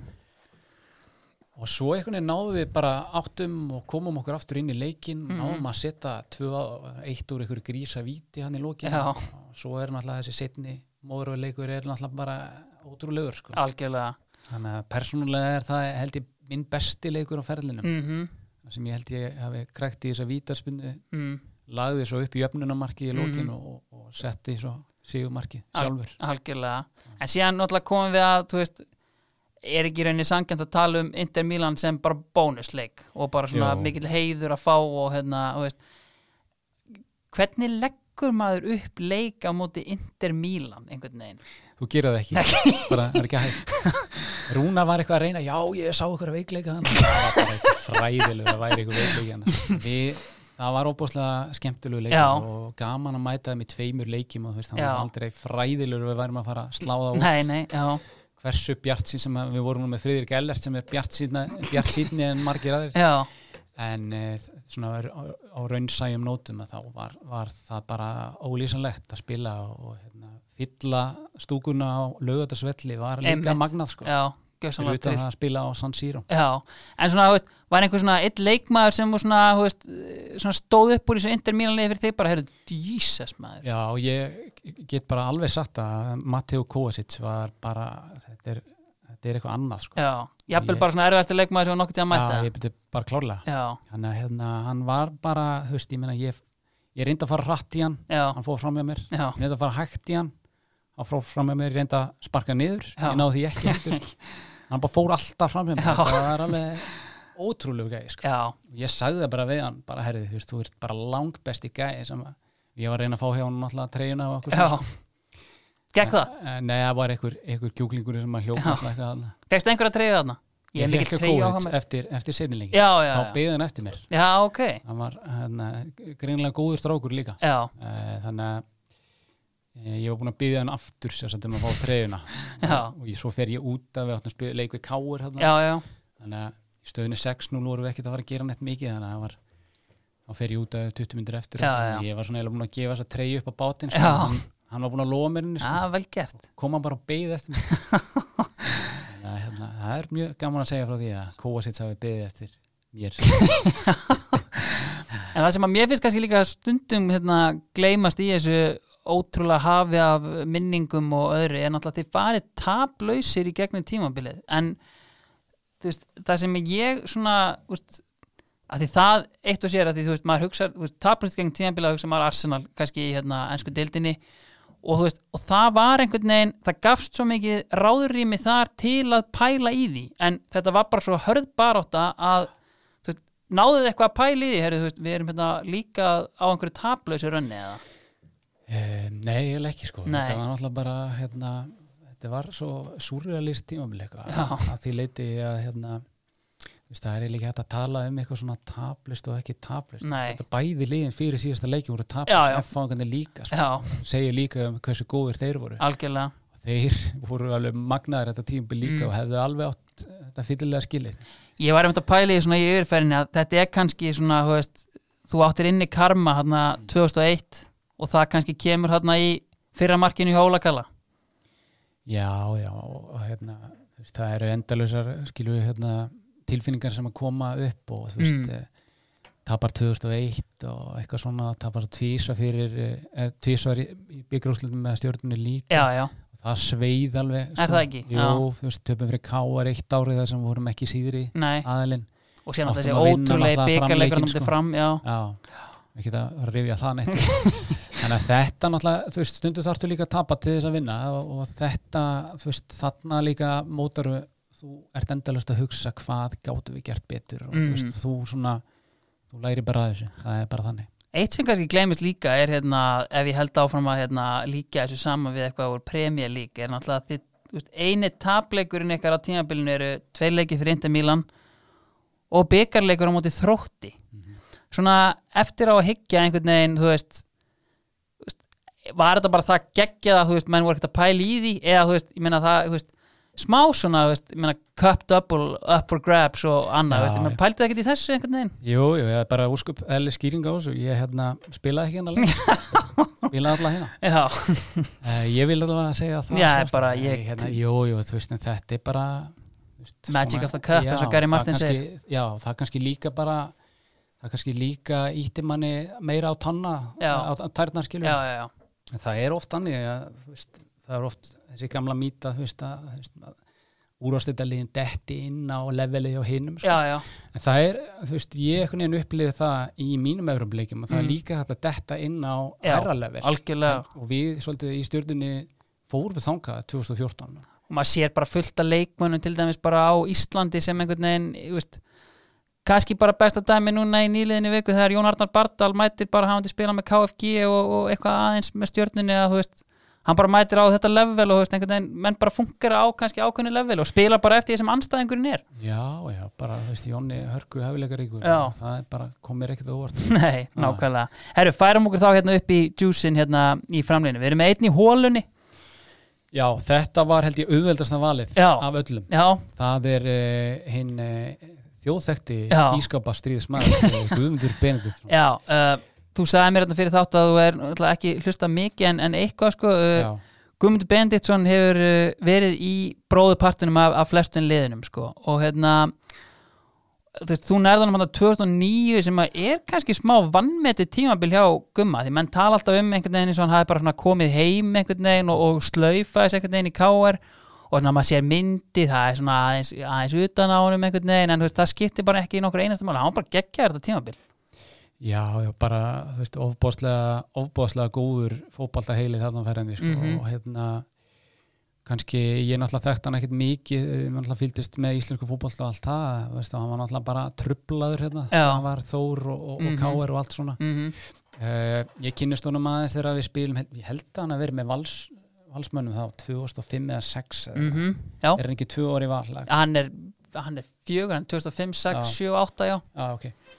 ég held að það hafi verið, það var eitthvað eitt árið þarna Mhm. þá verið ég að spila í IPVF sko. mhm mm og það var einn ungur strákur þarna sem er bakvörur hjá okkur Mhm. í IPVF og þá ákveður Guðbjörn Bendinsson bara hér ætla ég að vera, bara í allan dag og þú veist, þetta lýsir honum svo vel, hann var svo góður í að finna veikleikana hjá henni Já. og hérna, hann bara límdi sig þarna Já, bara þú veist, Willum eða hver var að þjálfa eða Já, eitthvað, Willum, ég, já. ég verð bara hérna já, og hérna, svo bara aðlaðast leikurinn eftir því sko. já, þannig að hérna, og maður sér bara gæðin maður sá bara gæðin í honum bæði sem að spila á mótunum mhm, og að spila með honum Þú veist, það er bara, það var bara ríkalega gaman og, og hann einhvern veginn hann fann mann alltaf já, Þú veist, hann, hann var með ótrúlega mikla yfir sín rólegur að boltan fór ekki trætt yfir Nei. þurfti þess ekki nei, og eh, svona, þetta er svolítið svipa á heimi Guðjóns var að hétt svona, Já. þegar hann undir það síðasta hann Mhm. bara svona pingaði hann það sem hann vildi Já. og hérna vissi, vissi eiginlega alltaf hvað ákvörðun átt að taka hann er náttúrulega eitt þekktasti gasprari þjóðarinnar í dag en svona, þú veist, á þessum tíma, þú veist, náttúrulega svona kannski, hann var smá svona, þú veist, það var ákveðin dölúð yfir hann myndi galanda, einhvern veginn svona, þú veist, sagði lítið einhvern veginn og svona hljóðlátur, var hann þannig líka á æfingarsöðinu? Já, hann, hann er náttúrulega bara róleg típa Já. og, þú veist, og hann er líka einn af þeim sem að segir eitthvað þá hlustar bara Já, en eh, ríkalega og bara þú veist, ótrúlega fyndin aðli sko, Já. Ég bara, þú veist, maður lág bara í krampana 2009 þegar hann kemur. það var góð, góð saga á hana þegar við vorum í Európikernni hérna á móti Larissa já, Greiklandi, Mhm. ég held að það hafi verið 35-40 gráður já, og rakin eftir því sko, Mhm. það var bara og það var alveg svaka stemming á vellinum og þú veist, þeir voru brjálaðir gríkinir, Já. þess að árunnar Já. út í liðið sitt já, og við ákveðum að gera jattefli, held ég, 1-1 úti, Mhm. vinnum heimalengin 2-1 Já. það komst áfram já, og við náttúrulega alveg hörku sátti með þetta maður og Basel bara næst og, okkur svona. og við erum á leiðinni út í rútu já, og Guðmundur er nú ekki mikið að stressa þér hlutan nei, og hann kemur svona og það er, þú veist, hérna, það eru bara lögreglumenn sem eru um, um, um alla stræt, nei, um allan, hefða, alla rúduna Já. umkringja bara allt brjála í kring og Já. hlustin, og hann lappar svona að einum lögreglumann, bara svona hægt og rólega á inn í skónum bara svona með, með, þú veist, ferðartöskuna sína Já. svona dra, dróana eftir sér mm, og segir svona hérna, ákveður að segja excuse me á góðri ennsku já, are you the police og það kemur svona eitthvað skrýndi svipur alla í kring og svona "Eh, can you tell me where Sting is I'm looking for him þannig að fyrir þá sem að vita ekki hver Sting já, er að spila hann eh, hljófarið fyrir eh, hljóstundan police og þetta lýsir hún mágerlar við náttúrulega í krampa í sigur vimi og allt brjála þú veist, allir að reyna að drífa sig burða hann bara pollarólur þetta er eina mörgum sögum að gumma og, hérna, Já. og ég, ég kunni ofbúslega og kann ofbúslega vel að meta og hann, hann bara hérna hann hann er bara hreitn og beitt líka sko. já, Þannig að- algjörlega Já. fleiri þráttur, að, þráttur að vera bara á annari löppin Já, já. þá var hann bara hörku góður sko. kjagar um vesturbæin í Já. dag sko, hérna, einhverju fleiri hérna í hólunni sem koma til greina já, það er hérna það er hann Greta Hjartar já, einmitt, ég hérna hef alltaf haft ótrúlega mikið álut á honum Mm. og hann er eitt sá allra besti bara sem ég hef, hef, hef spilað með sko. mhm, og e, ótrúlega góður slúttari já bara sjaldan síðan aðeins held ég mhm, þannig að hann er bara klárlega þarna mhm, og ef að Gummi var ekki svona ógæslega góð Já. þá væri hann í liðinu en hérna, já, ég ákvaða að setja Gretar hérna á já auðmingjabekkin já, og annar aðli sem að komur óa svolítið komið stjórnum var Steinþór Freyr Stálhúsin mhm, hann var bara, hann, hann óð bara í gegnum eld og brennistein og veggi og, og bara geggja að hafa svona gæja já gast alltaf fundið hann í lappir já, hann misti til aldrei boltan, nei fekk bara viti og auka Mm. Já. og þetta var bara ríkala flottur mhm, og leikmaður mhm. leiðilegt svona hvað hann hefur ekki náð kannski að sína sér núna eftir hann kom tilbaka nei, nákvæmlega, einmitt mörgu duglur, vann sem verkfræðingur á- í atvinnum en sko Já, já. var þar Einmitt. og bara geggju persóna sko. algjörlega Herru, ef við förum þá bara hérna upp í framlínuna uh, Tveir frammi, þú bara hérna ræður hvar þú byrjar Já, ég, ég ákvað að hafa tvo sendara mm Mhm. og það voru voru nokkur margir sem að koma að þetta greina eh, Ég ákvað að velja Gunnar Heiðar Þórólfsson Já, Mér hans þann, eh, við náttúrulega spilum upp alla yngri flokka saman og, Mhm. og náðum ofbóðslega vel saman Já. vissum alltaf, ég vissi hvert hann var að hlaupa hann Já. vissi hver, hvað ég var að fara að gera þegar ég fikk Mhm. boltan og, og ég hversu, veit ekki hversu oft við lögðum upp á hvort annan eða, Já. eða já. þannig að hann er bara og með mikið marka nef og, og bara geggjaður leikmaður hann er sko hann er bara svona, þú veist holdi klættur sendir bara hérna innan sem utan vallar, bara svona hlusta á hann það er svona geðveikt skemmtilegu svona senders hróki léttur í honum einhvern veginn þú veist, og bara svona, þú veist, og hann er náttúrulega, þú veist svona kannski mann, vannmetin marka vel einhvern veginn á Íslandi að því ég meina, þú veist, áður en að fer hann út í atvinnumennsku, ég meina, hann er, hann er allavega einu sinni markaðistur og þar af sko það sem hann fer í júli uh, þetta er einmitt hann og Gretar sem eru hann að skiptast á einhvern veginn að raðin mörkunum já, já. og þú veist, ég meina, hann á, þú veist hann er með marki í öðrum hvernig leik og meiri segja þegar hann kemur hérna, þú veist, eftir atvinnumennskuna þá er hann samt með einhver tæp 10 mörk hérna á tímabili tvö ári röð Já, já. kannski svona maður sem Ah, flýgur alveg einhvern bara- veginn undir radarinn Já, svona. svolítið þannig Já. hérna, óbóðslega segjur leikmaður og það var alveg leiðilegt að hann skildi ekki fá kannski meiri séns að hjá landsliðinu Já, já. þetta voru hörku, Já. hörku menn það Einmitt. í framlinnu þegar Mhm. hann var að spila Þannig Já. að, hérna, en já, bara ég hef alltaf kunnað óbóðslega vel við kunna og, hérna, og gaman að spila með hann Já. Ah, hann hugsa bara um eitt og það er að skora Já, það er bara ástæðan fyrir að hann er í sendir stöðinni algjörlega. hann gerði, gerði vel og skoraði óbóðslega mikið að mörgum Já, það sem ég velti fyrir mér einmitt, þið komið hérna uh, saman upp í gegnum hérna í, inn í IPVAF-lið uh, þá náttúrulega leikur beinast við að spyrja sko, er það Þór eða Týr hjá þér? það er týr Það er Týr. Já. Sko, ég ekki á honum Ekki, hann er Þórsari. Já, hann já. er Þórari Já, Þórari. fyrirgefðu. Þórsari Já, Þórakur já, bara einmitt. það sé rétt Já, ég, ég, ég er alltaf að læra meira og meira um þetta af því að ég hérna ég hafði aldrei pælt í þessu ég held að þetta væri bara eitthvað eld, eld gamalt fyrir en að ég fekk Sigurvin Ólafs hérna, sem tilkynnti mér að, að hann og Bjarnólu Lárusson hefðu ekki farið saman í gegnum yngri flokkana af því að þeir voru, og mér fannst þetta svo skrítið dæmi Já. en þegar ég pæli í þessu í dag er ekki bara svona ákveðin vöndun á þessu í eigum af því að ég meina það hefur kannski þú veist, auðvitað meikar ekkert sens að halda út í tveimur félögum bæði fjárhagslega, aðstöðulega og allir þessi pakki einhvern veginn Mhm. en þú veist, þú býr til svo, þú veist, svo geggjað stemmingu einhvern veginn í keppniskapi með þessu Já, já. Algjörlega, það er alveg þú veist að það var alveg margt sem að datt út þegar þetta þegar þessi félug voru saman Já. og náttúrulega Bjarnulur og Venni Venni var einn ein, kannski eitt sem að var hérna óbúslega góðu leikmaður Já. og horfði mikið til hans líka mm uh, þeir náttúrulega voru í sikkur liðinu Já, já. en svo þegar ég og Gunni við vorum uppalega náttúrulega líka í Týr og Þór Mm -hmm.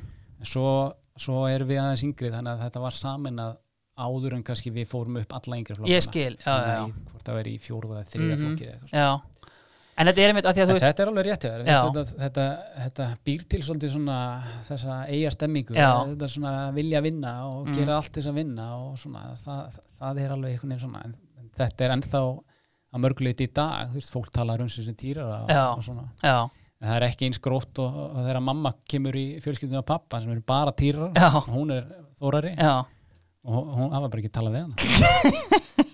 En það breytist nú. nei, nákvæmlega en sko, hérna, ef við komum að því bara, koma því frá, sko Gunnar Heiðar, þegar allir held að hann var einhvern veginn komin heim og hættur og skrifar hann undir hjá IBVF uh, fer svo korteri fyrir mót og totally redeemed himself fer um 30 aftur til Svíþjóðar raðarinn sem er svo við liðið Tyrklandi þar sem hann óska eftir góðum seðli fyrir heimferð og síðan er þetta bara ekkert eðlilega fyndin og skemmtilega gæja að hlusta á þannig að ég get ekki annað en valið Gunnar Hea Þorvaldsson sem er ref draumaliðsins hjá Alla Jó, alvöru markarefur hann er vel að því komin í bóði White Fox og uh, Skröf Okkarlega. Herðu, hver hérna hver slöf fara framlínunni?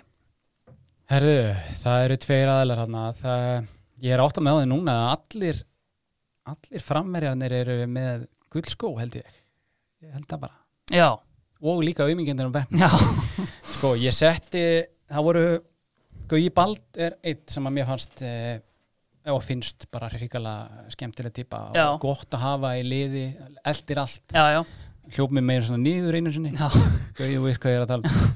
uh, hrikalega flottur Mhm. og hérna býrið við gæðum líka Já, Stengur með Jóhannes var góður, góður leikmaður Já. og hérna, það var leiðilegt að hann skildi farla frá of snemma einmitt uh, Tómas Ingi, Tómasson mm. Mhm. uh, ríkala góð típa Já. og hérna hann, ek- hann svona, eins og hann gerði í síðasta leiknum, tók bara leiki yfir oft svona, Já, já. Og, og var alltaf svona, hann var svona það var erfitt að reikna hann út, hann var svo ódreiknarlegur þegar hann ætlaði að gefa þá gaf hann stundum skotið bara Já. veist, það var var gott að fá eitt svona X-faktor og hann var alltaf með, með ótrúlega mikið presens líka bæði innan og utanvallar Þetta er einmitt það sem ég velti fyrir mér um svona með bara svona, hvernig típa var hann bara svona hérna, þú veist, í kringum æfingasvæði það er bara eh, æðislegur að hafa Já. veist, og kannski hluti af svona kannski liðseildin hann 2001 mm að hafa hann Eh, ég man nú ekki hvort það hefði verið 2002 eða hættir hann ekki 2002 eftir Jú, það. eftir það þá hérna erum við að spila í Grindæk og, Já. og hérna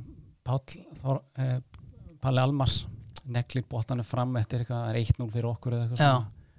svona og það, það er náttúrulega ákveðs rokan í Grindæk þannig að vindurinn tekur hann bara og þetta er bara stungusending á Tómas Inga Já. varnamarinn á leiðinu út og Já. Tómas Inga á leiðinu inn Já, og hann fær bara allt í einu einn í gegn já, og með svo minnist þetta að hann lappaði að hérna gæðanum eftirleik, herru til hamiki þú ert hér með orðin hægast í varnamæður hann var svona þú veist, að- hann talaði um það í lokin að hann, hann hljóp sko 100 metran á dagatali sitt, sko. en hérna, já, opaslega gaman að hafa svona Já. típu og hérna, það var alltaf hugvelt að finna hann í lappir og, einmitt og hann var svo með mikla svona svolítið svipaður og gummi, með mikla yfirsýn og Mm. pinga hann hingað og þangað í kjálfæri og góðu batti svona Já, það er líka bara, þú veist, sem að máaleg minnast á með Tómas Inga því að, þú veist, hann alltaf er í eigum fyrst síðan fer hann til K.R. og einhvern veginn gengur ekki alveg með gauja eða svoleiðis en síðan alltaf kemur hann heim og, þú veist, í fótbolta er ekkert erfiðara en að skora og hann kemur og spila með, þú veist, falliðum um þróttar og grindavík og bara gjörsanlega raðar inn sem, þú veist, segir mjög mikið um gæði leikmanns að geta skorað bara 10-15 mörg með svona liðum einmitt, bara svona, einmitt, þú veist, eins og þú kemur inn á bara svona upp á sitt einstæmi einhvern veginn, Algjörlega, bara taka þetta algjörlega. yfir en hver er þá hérna Herru, ég ætla að minnast á einni viðbót já, Takk er Fúsa já, Hann er uh, bara mikið nar- marka nef og, já og hérna ég hef Flottur einmitt, gæi. já, ég hef leitt einmitt svona vegferði að hérna, halda nafni hans á lofti sko. hann er með unreal fjölda af mörgum hann í Já. efstu deild sko, og Já. einhvern veginn svona fengið svolítið stikk fyrir bara holdarfar og okkar svoleiði sem að Já. yfir engu máli skipt einhvern Nei, veginn þegar hann var að nákvæmlega. spila sko. nákvæmlega já, og bara eh, flott típa og, Já. Hérna, já. Þannig að ég, það var gott að spila með vika já, Já. algjörlega og hann hafi getað gefið hann stundum þegar hann var í eitthvað færi En það er bara hluti af þessu Já, klárt, algjörlega Herðu, það eru tveir menn hérna upp á topp sem að það er bara eitt pláss eftir Já, og ég valdi sem sagt uh, Garðar Jóhansson já, uh, fósbróður hans Veigar Páll Gunnarsson átti að vera í liðinu já, en hann var í agabanni já og uh, förum ekki nánar til það en ég ákvað að velja Garðar þarna. ég hérna fannst, of- mér fannst ofvarslega gott að spila með Eh, Garða Já, uh, hann var var ríkala flottur leikmaður hann var hörku, hörku slúttari Já, alveg bara hörku slúttari og hérna mér varst óbúslega gott að spila með hann að fá hann í lappir Já. og þú veist, það, var, það, var svo, það er svo gott að finna menn svona og hérna, þeir geta þá haldið boltanum að beði eftir vörn, eh, sem sagt, miðinni í stuðning og svona Algjörlega. Þannig að, hérna, mér varst hann, hann kom mér á óvart hversu mikil gæ, miklum gæðum hann bjóðir það er einmitt það sem þú segir að því, þú veist, einmitt það sem þú lýsir er náttúrulega bara svona létt svona target center lýsing en ég var einmitt með gumma benjarna sem bara svona talaði einmitt um bara svona sennilega svona með flinkari stóru centerin sem hann hefur spilað með Já, ég tek undir það Já, bara klárt mál sko mm. og hörku skallamæður Mm og hérna, já, bara draumur draumur í dósa að hafa eitt svona sendir þar sem hún kannski gefið háan og kannski gefið lágan og mm Mhm. -hmm. hann gætt tekið á móti öllu Mhm, algjörlega Já. og síðan náttúrulega þú veist, Veigar uh, eftirleitis dansari þjóðarinnar náttúrulega þú veist, Já, var svona þú veist, eh, þú veist, að því hann náttúrulega kemur hérna, veist, náttúrulega er bara góðsögn hérna í Noregi hjá Stabæk markaðist í Íslendingurinn í Noregi og annað þú veist, var hérna þú veist, stert að fá hann inn í klefan hjá stjörnun einhvern veginn sem er ennþá eins og við vorum að tala um svona þú veist, klúpur í svona mótun einhvern veginn að verða það sem hann er í dag já, klárlega hérna, hann er náttúrulega bara í miklu metum hjá Mm. garbaðingum og, og hérna, það var mikið bara líka fyrir bæjarfélagið að fá hann já, heim já, hann er náttúrulega allir búin að vera fylgjast með honum frá því að hann fór uppálega einmitt og e, spilaði náttúrulega gríðilega vel hann að káar þegar þeir eru meistarar mm og ég náttúrulega hafði spilað á mótunum og, og hérna, æfði aðeins með hann þá þegar við vorum í ykkurum landslis pælingum mhm, þá sá maður bara, þú veist, bara wow já, æðin, sko. einmitt, og svo náttúrulega kemur hann til okkar og það, þú veist, það vita allir hvað hann getur sko. algjörlega og að farið að hægjast á,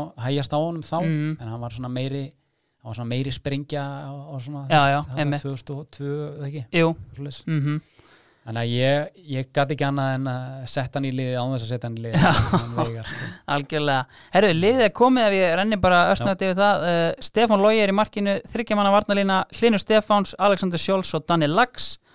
Uh, á köntunum Óskar Örn Haugsson og uh, Einsi Dan. Inn á miðinu Jónas Guðni og Rúnar Kristins í hólunni, Guðmundur Benediktsson uh, og frammi Gunnar Heiða Þorvaldsson og Garðar Jóhansson. Uh, Íllviði ráðanlegt lið. Uh, hver myndi þjálfa þetta lið? Ég hérna, já, ég var fórað aðeins yfir hérna, þjálfarana sem, Já. sem maður er búin að vera með. Mm -hmm. Ég setti það hérna nýra blað, það er hérna að teiti Þórðar, Rúnar Páll, eh, Heimir Hallgríms, Maki Gilva, Bjarni Jó, Lógi Ólas, Njáll Eiðs, Pétur Péturs, Brynja Björn Gunnars, Guðlu Baldursson, Steini Gísla. Já, heitinn. einmitt. Þetta er hörku listi, sko. Já. Ég, ég veit ekki, ég held að kannski Teitur hafi, hafi kannski kent mér hvað mest Já. Þannig að ég held ég þyrti þyrti að velja hann svona fyrir mig persónulega, Já. En mér fannst Rúnar standa sig gríðarlega vel líka Já, þegar hann te- poppar inn eh, Sem- eftir að, að logi hætti já, einmitt. og það var náttúrulega bara gaman að fylgjast með líka Bjarni, Logi, Rúnar Já, hvernig já. þetta var svona tröppugang Einmitt. og eh, ég held að ég myndi velja Teit og, og kannski Rúnar assistant er, er ekki Rúni og Óli saman? Jú, Það hlýtur að nákvæmlega. virka. Já, einmitt. Já. En hvernig svona einmitt, þú veist, hérna, Rúnar Páll svona einmitt, að því við komum inn á hann, þú veist, leikmannahópurinn 2014 á stjörninni, eh, þú veist, svona kannski fyrir mót ekki eitthvað sem að myndi halda eftir á higgja að væri, þú veist, endilega sem myndi ná þessum hæðum, en þú veist, þá hugsa maður kannski á móti, þú veist, taktisk snilt einhvern veginn, en síðan er Rúnar bara mjög heiðarlegu með sína nálgun á fótbolta, þú veist, það er bara mikið, þú veist, bara svona, þú veist, bara svona kannski ekkit eitthvað endilega bíluð taktísk uppleg Nei, alls ekki. Ég hérna, við vorum nú aðeins að ræða á hann, veistu, hérna, ástæðan kannski maður fór í, var þetta hráa talent Já, já. í stjörnunni Mhm. og, og til að byrja með var kannski taktikin ekkit mikil, Bjarni Jó var mi- duglegur að experimenta, hún var alveg sama, hún var leikindir væru 8-5. Já, já, sko. En hérna, ég held líka bara svolítið umhverfið í stjörnu eh, stjörnu umhverfið hafi breyst töluvert sko. Já. Þannig að, hérna, það er þú veist, það þarf svolítið eða vart að hugsa til fimm ára eða, eða sex ára í senn Já, já. Minna, stjar, það bjóst engin við að stjarnan myndi vinna titilin 2010 nei, nei en, en svo einhvern veginn þú veist, það byrðu bara svolítið til þetta það eru þessi litlu hlutir þú Já. veist, sjúkraþjálfari mm.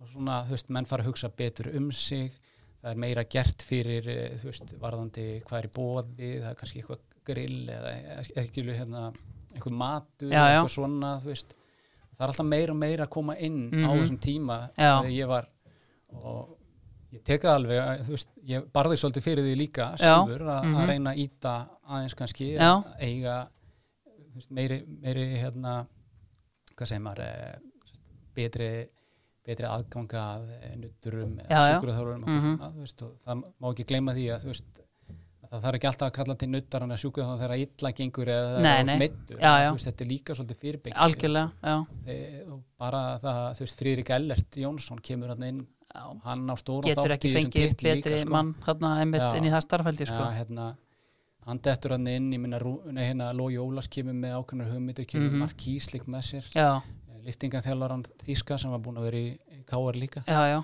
og allt þetta hefur að segja, þetta eru Mhm. lítil hlutir og Lói hafi, hafi ákveðið fram að færa, Rúnar hafi ákveðið fram að færa, það Mhm. er svona sambland af mörgu held ég einmitt og, og kannski góða við það í garðabænum að þessi strákar, þessi ráu strákar vildu allir verða miklu betri Eh, algjörlega, Dan- Danni, Dóri, Já. Jói og þú veist, góða bara ég kultur nefni ykkur, já, einmitt. þannig að svona, þú veist, smám saman einhvern veginn kom þetta, ég, ég er einhvern veginn þar, held ég.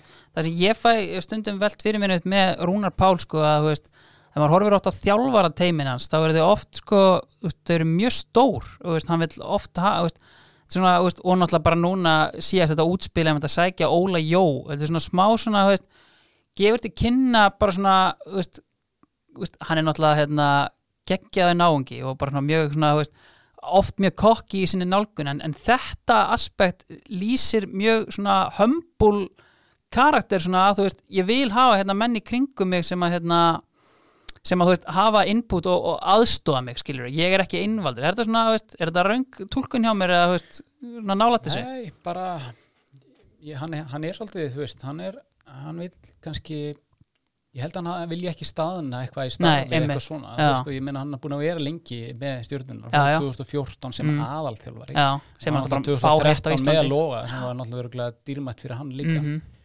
og ég held að ég held að það sé bara þessi komið þessi tími á okkur að nýja áskorun sko. Mhm. þannig að það er bara gott að, að vilja breyta til og, og ekki vera hrættu við það sko. algjörlega svona kannski rétt í lokin uh, það sem stræka mann kannski mest í þessu hérna, liði þegar ég renni yfir þetta er að hér eru engir sköllótti menn uh, Nei. og hérna eða svona, þú veist, þetta er svona að þinnast hjá Danna uh, en Já. svona kannski meðan þú spilaði með honum vel herður sko Já, uh, já, já. en hérna svona OK Bón, okkar menn í, í bónbransanum þeir hafa Já. svona verið að spurja út í svona best bónuði leikmennina, áttu þeir svona einhvern eftirlætis uppáhalds sköllótta samherja frá ferlinum?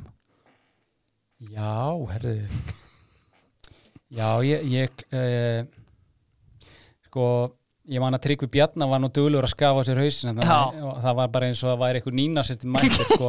Já, var, both by hann var choice, mjög já. okkveikend alltaf að Já, verðinu þegar hann mjög. var nýskafaður sko. Ég var bara hrættur upp í stúku sko. Já, ég held að Gulli Jóns er einn já, ha, Já. eh, Gulli er topp maður já. uh, ég held ég myndi sem velja Stjána ég, Fimbóa Stjána Fimbóa Já, já, já, hann, ég náði alltaf hérna, góðu konstantið hann og hann bara, þú veist, ótrúlega þú veist, gæði í honum líka já. Þú veist, hann bara var ríkalega góður í löpunum einmitt og bara gata allt einhvern veginn Já, vildi helst bara spila frammi Já. og hann var bara geggjaður þar líka já, og manna við vorum í káir og þá töpuðu eldra árið eiginlega aldrei, Nei. eldri yngri Já. Ég held að það hef ekki gerst eitt tímabil það var bara allt tímabilið það var sigur mm, eh, hvort að Gunnar Örn Jónsson og þeir hafi verið þá já, tjúla liðinu já, eh, en Stjáni er bara, þú veist, toppmaður og hérna, hann byrjaði alla setningar og þegar ég var í landsliðinu þannig að fá aðtegli þannig að hérna ríkilega hú, mikil húmoristi og, og bara góð kall Og fyrst og fremst vel bónaður Þannig að Já. hann er eh, sá best bónaði í bóði OK bón og, og löngu tími til komin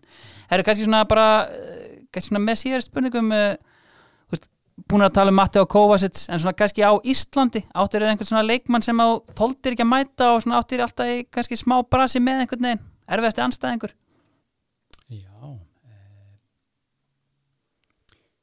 Já, það er góð góðbyrning Mm. eh, Davíð Þór Viðas Já, hann var hundleðilur Já. og er enn en algjört eða leindak fyrir utanvöldin já, ég held að ég myndi kannski taka hann Ah. já ha. hvað svona, hérna, ég hef einmitt svona svolítið velt fyrir mér, sko, einmitt svona, þú veist hvar liggja gæðin svona ef þú ert að spila á móti Davíð Þór? eh, hann bara, þú veist, hann er einhvern veginn svona alveg svag, mér finnst hann svag hann er náttúrulega góður löpunum já, uh, hörku leiðtói innan Mhm. liðsins og Já. stjórnar bara og er óhrættu við að láta menn og dómara heyra það en ég held bara svona Þess að ég myndi að koma inn á svona, þú veist, það sjá það allir sem vilja að sko presensi er endalust einhvern veginn. En svona, þú veist, kannski svona, þú veist, líka bara svona litlu hlutindir inn á vellinum einhvern veginn sem að, þú veist, er bara svona virkilega erfitt að, að, að hérna, keppa við hann. algjörlega og hérna kannski bara hans helsti, helsti hæfileikin alltaf bara keppniskapið og Já. hann þóldi ekki að að tapa og, Mhm. og hérna tapa reynda 2014 en gerði allt sem að hann gat Já. til þess að, að hérna vinna Algjörlega. og Greta Sigfinnur er þar kannski líka Já, einmitt. geggjaður að hafa í Mhm. tíum liði Já. mm. hundleðilur á móti Já. þannig að já, ég held það Ég held það. mm. Ég held það, uh, allir, það er bara búið að vera virkilega gaman að spjalla við þig. Uh, þakka að kella fyrir komuna í draumalið. takk fyrir, sumleis Þið voru að draumalið í bóði lengjunar.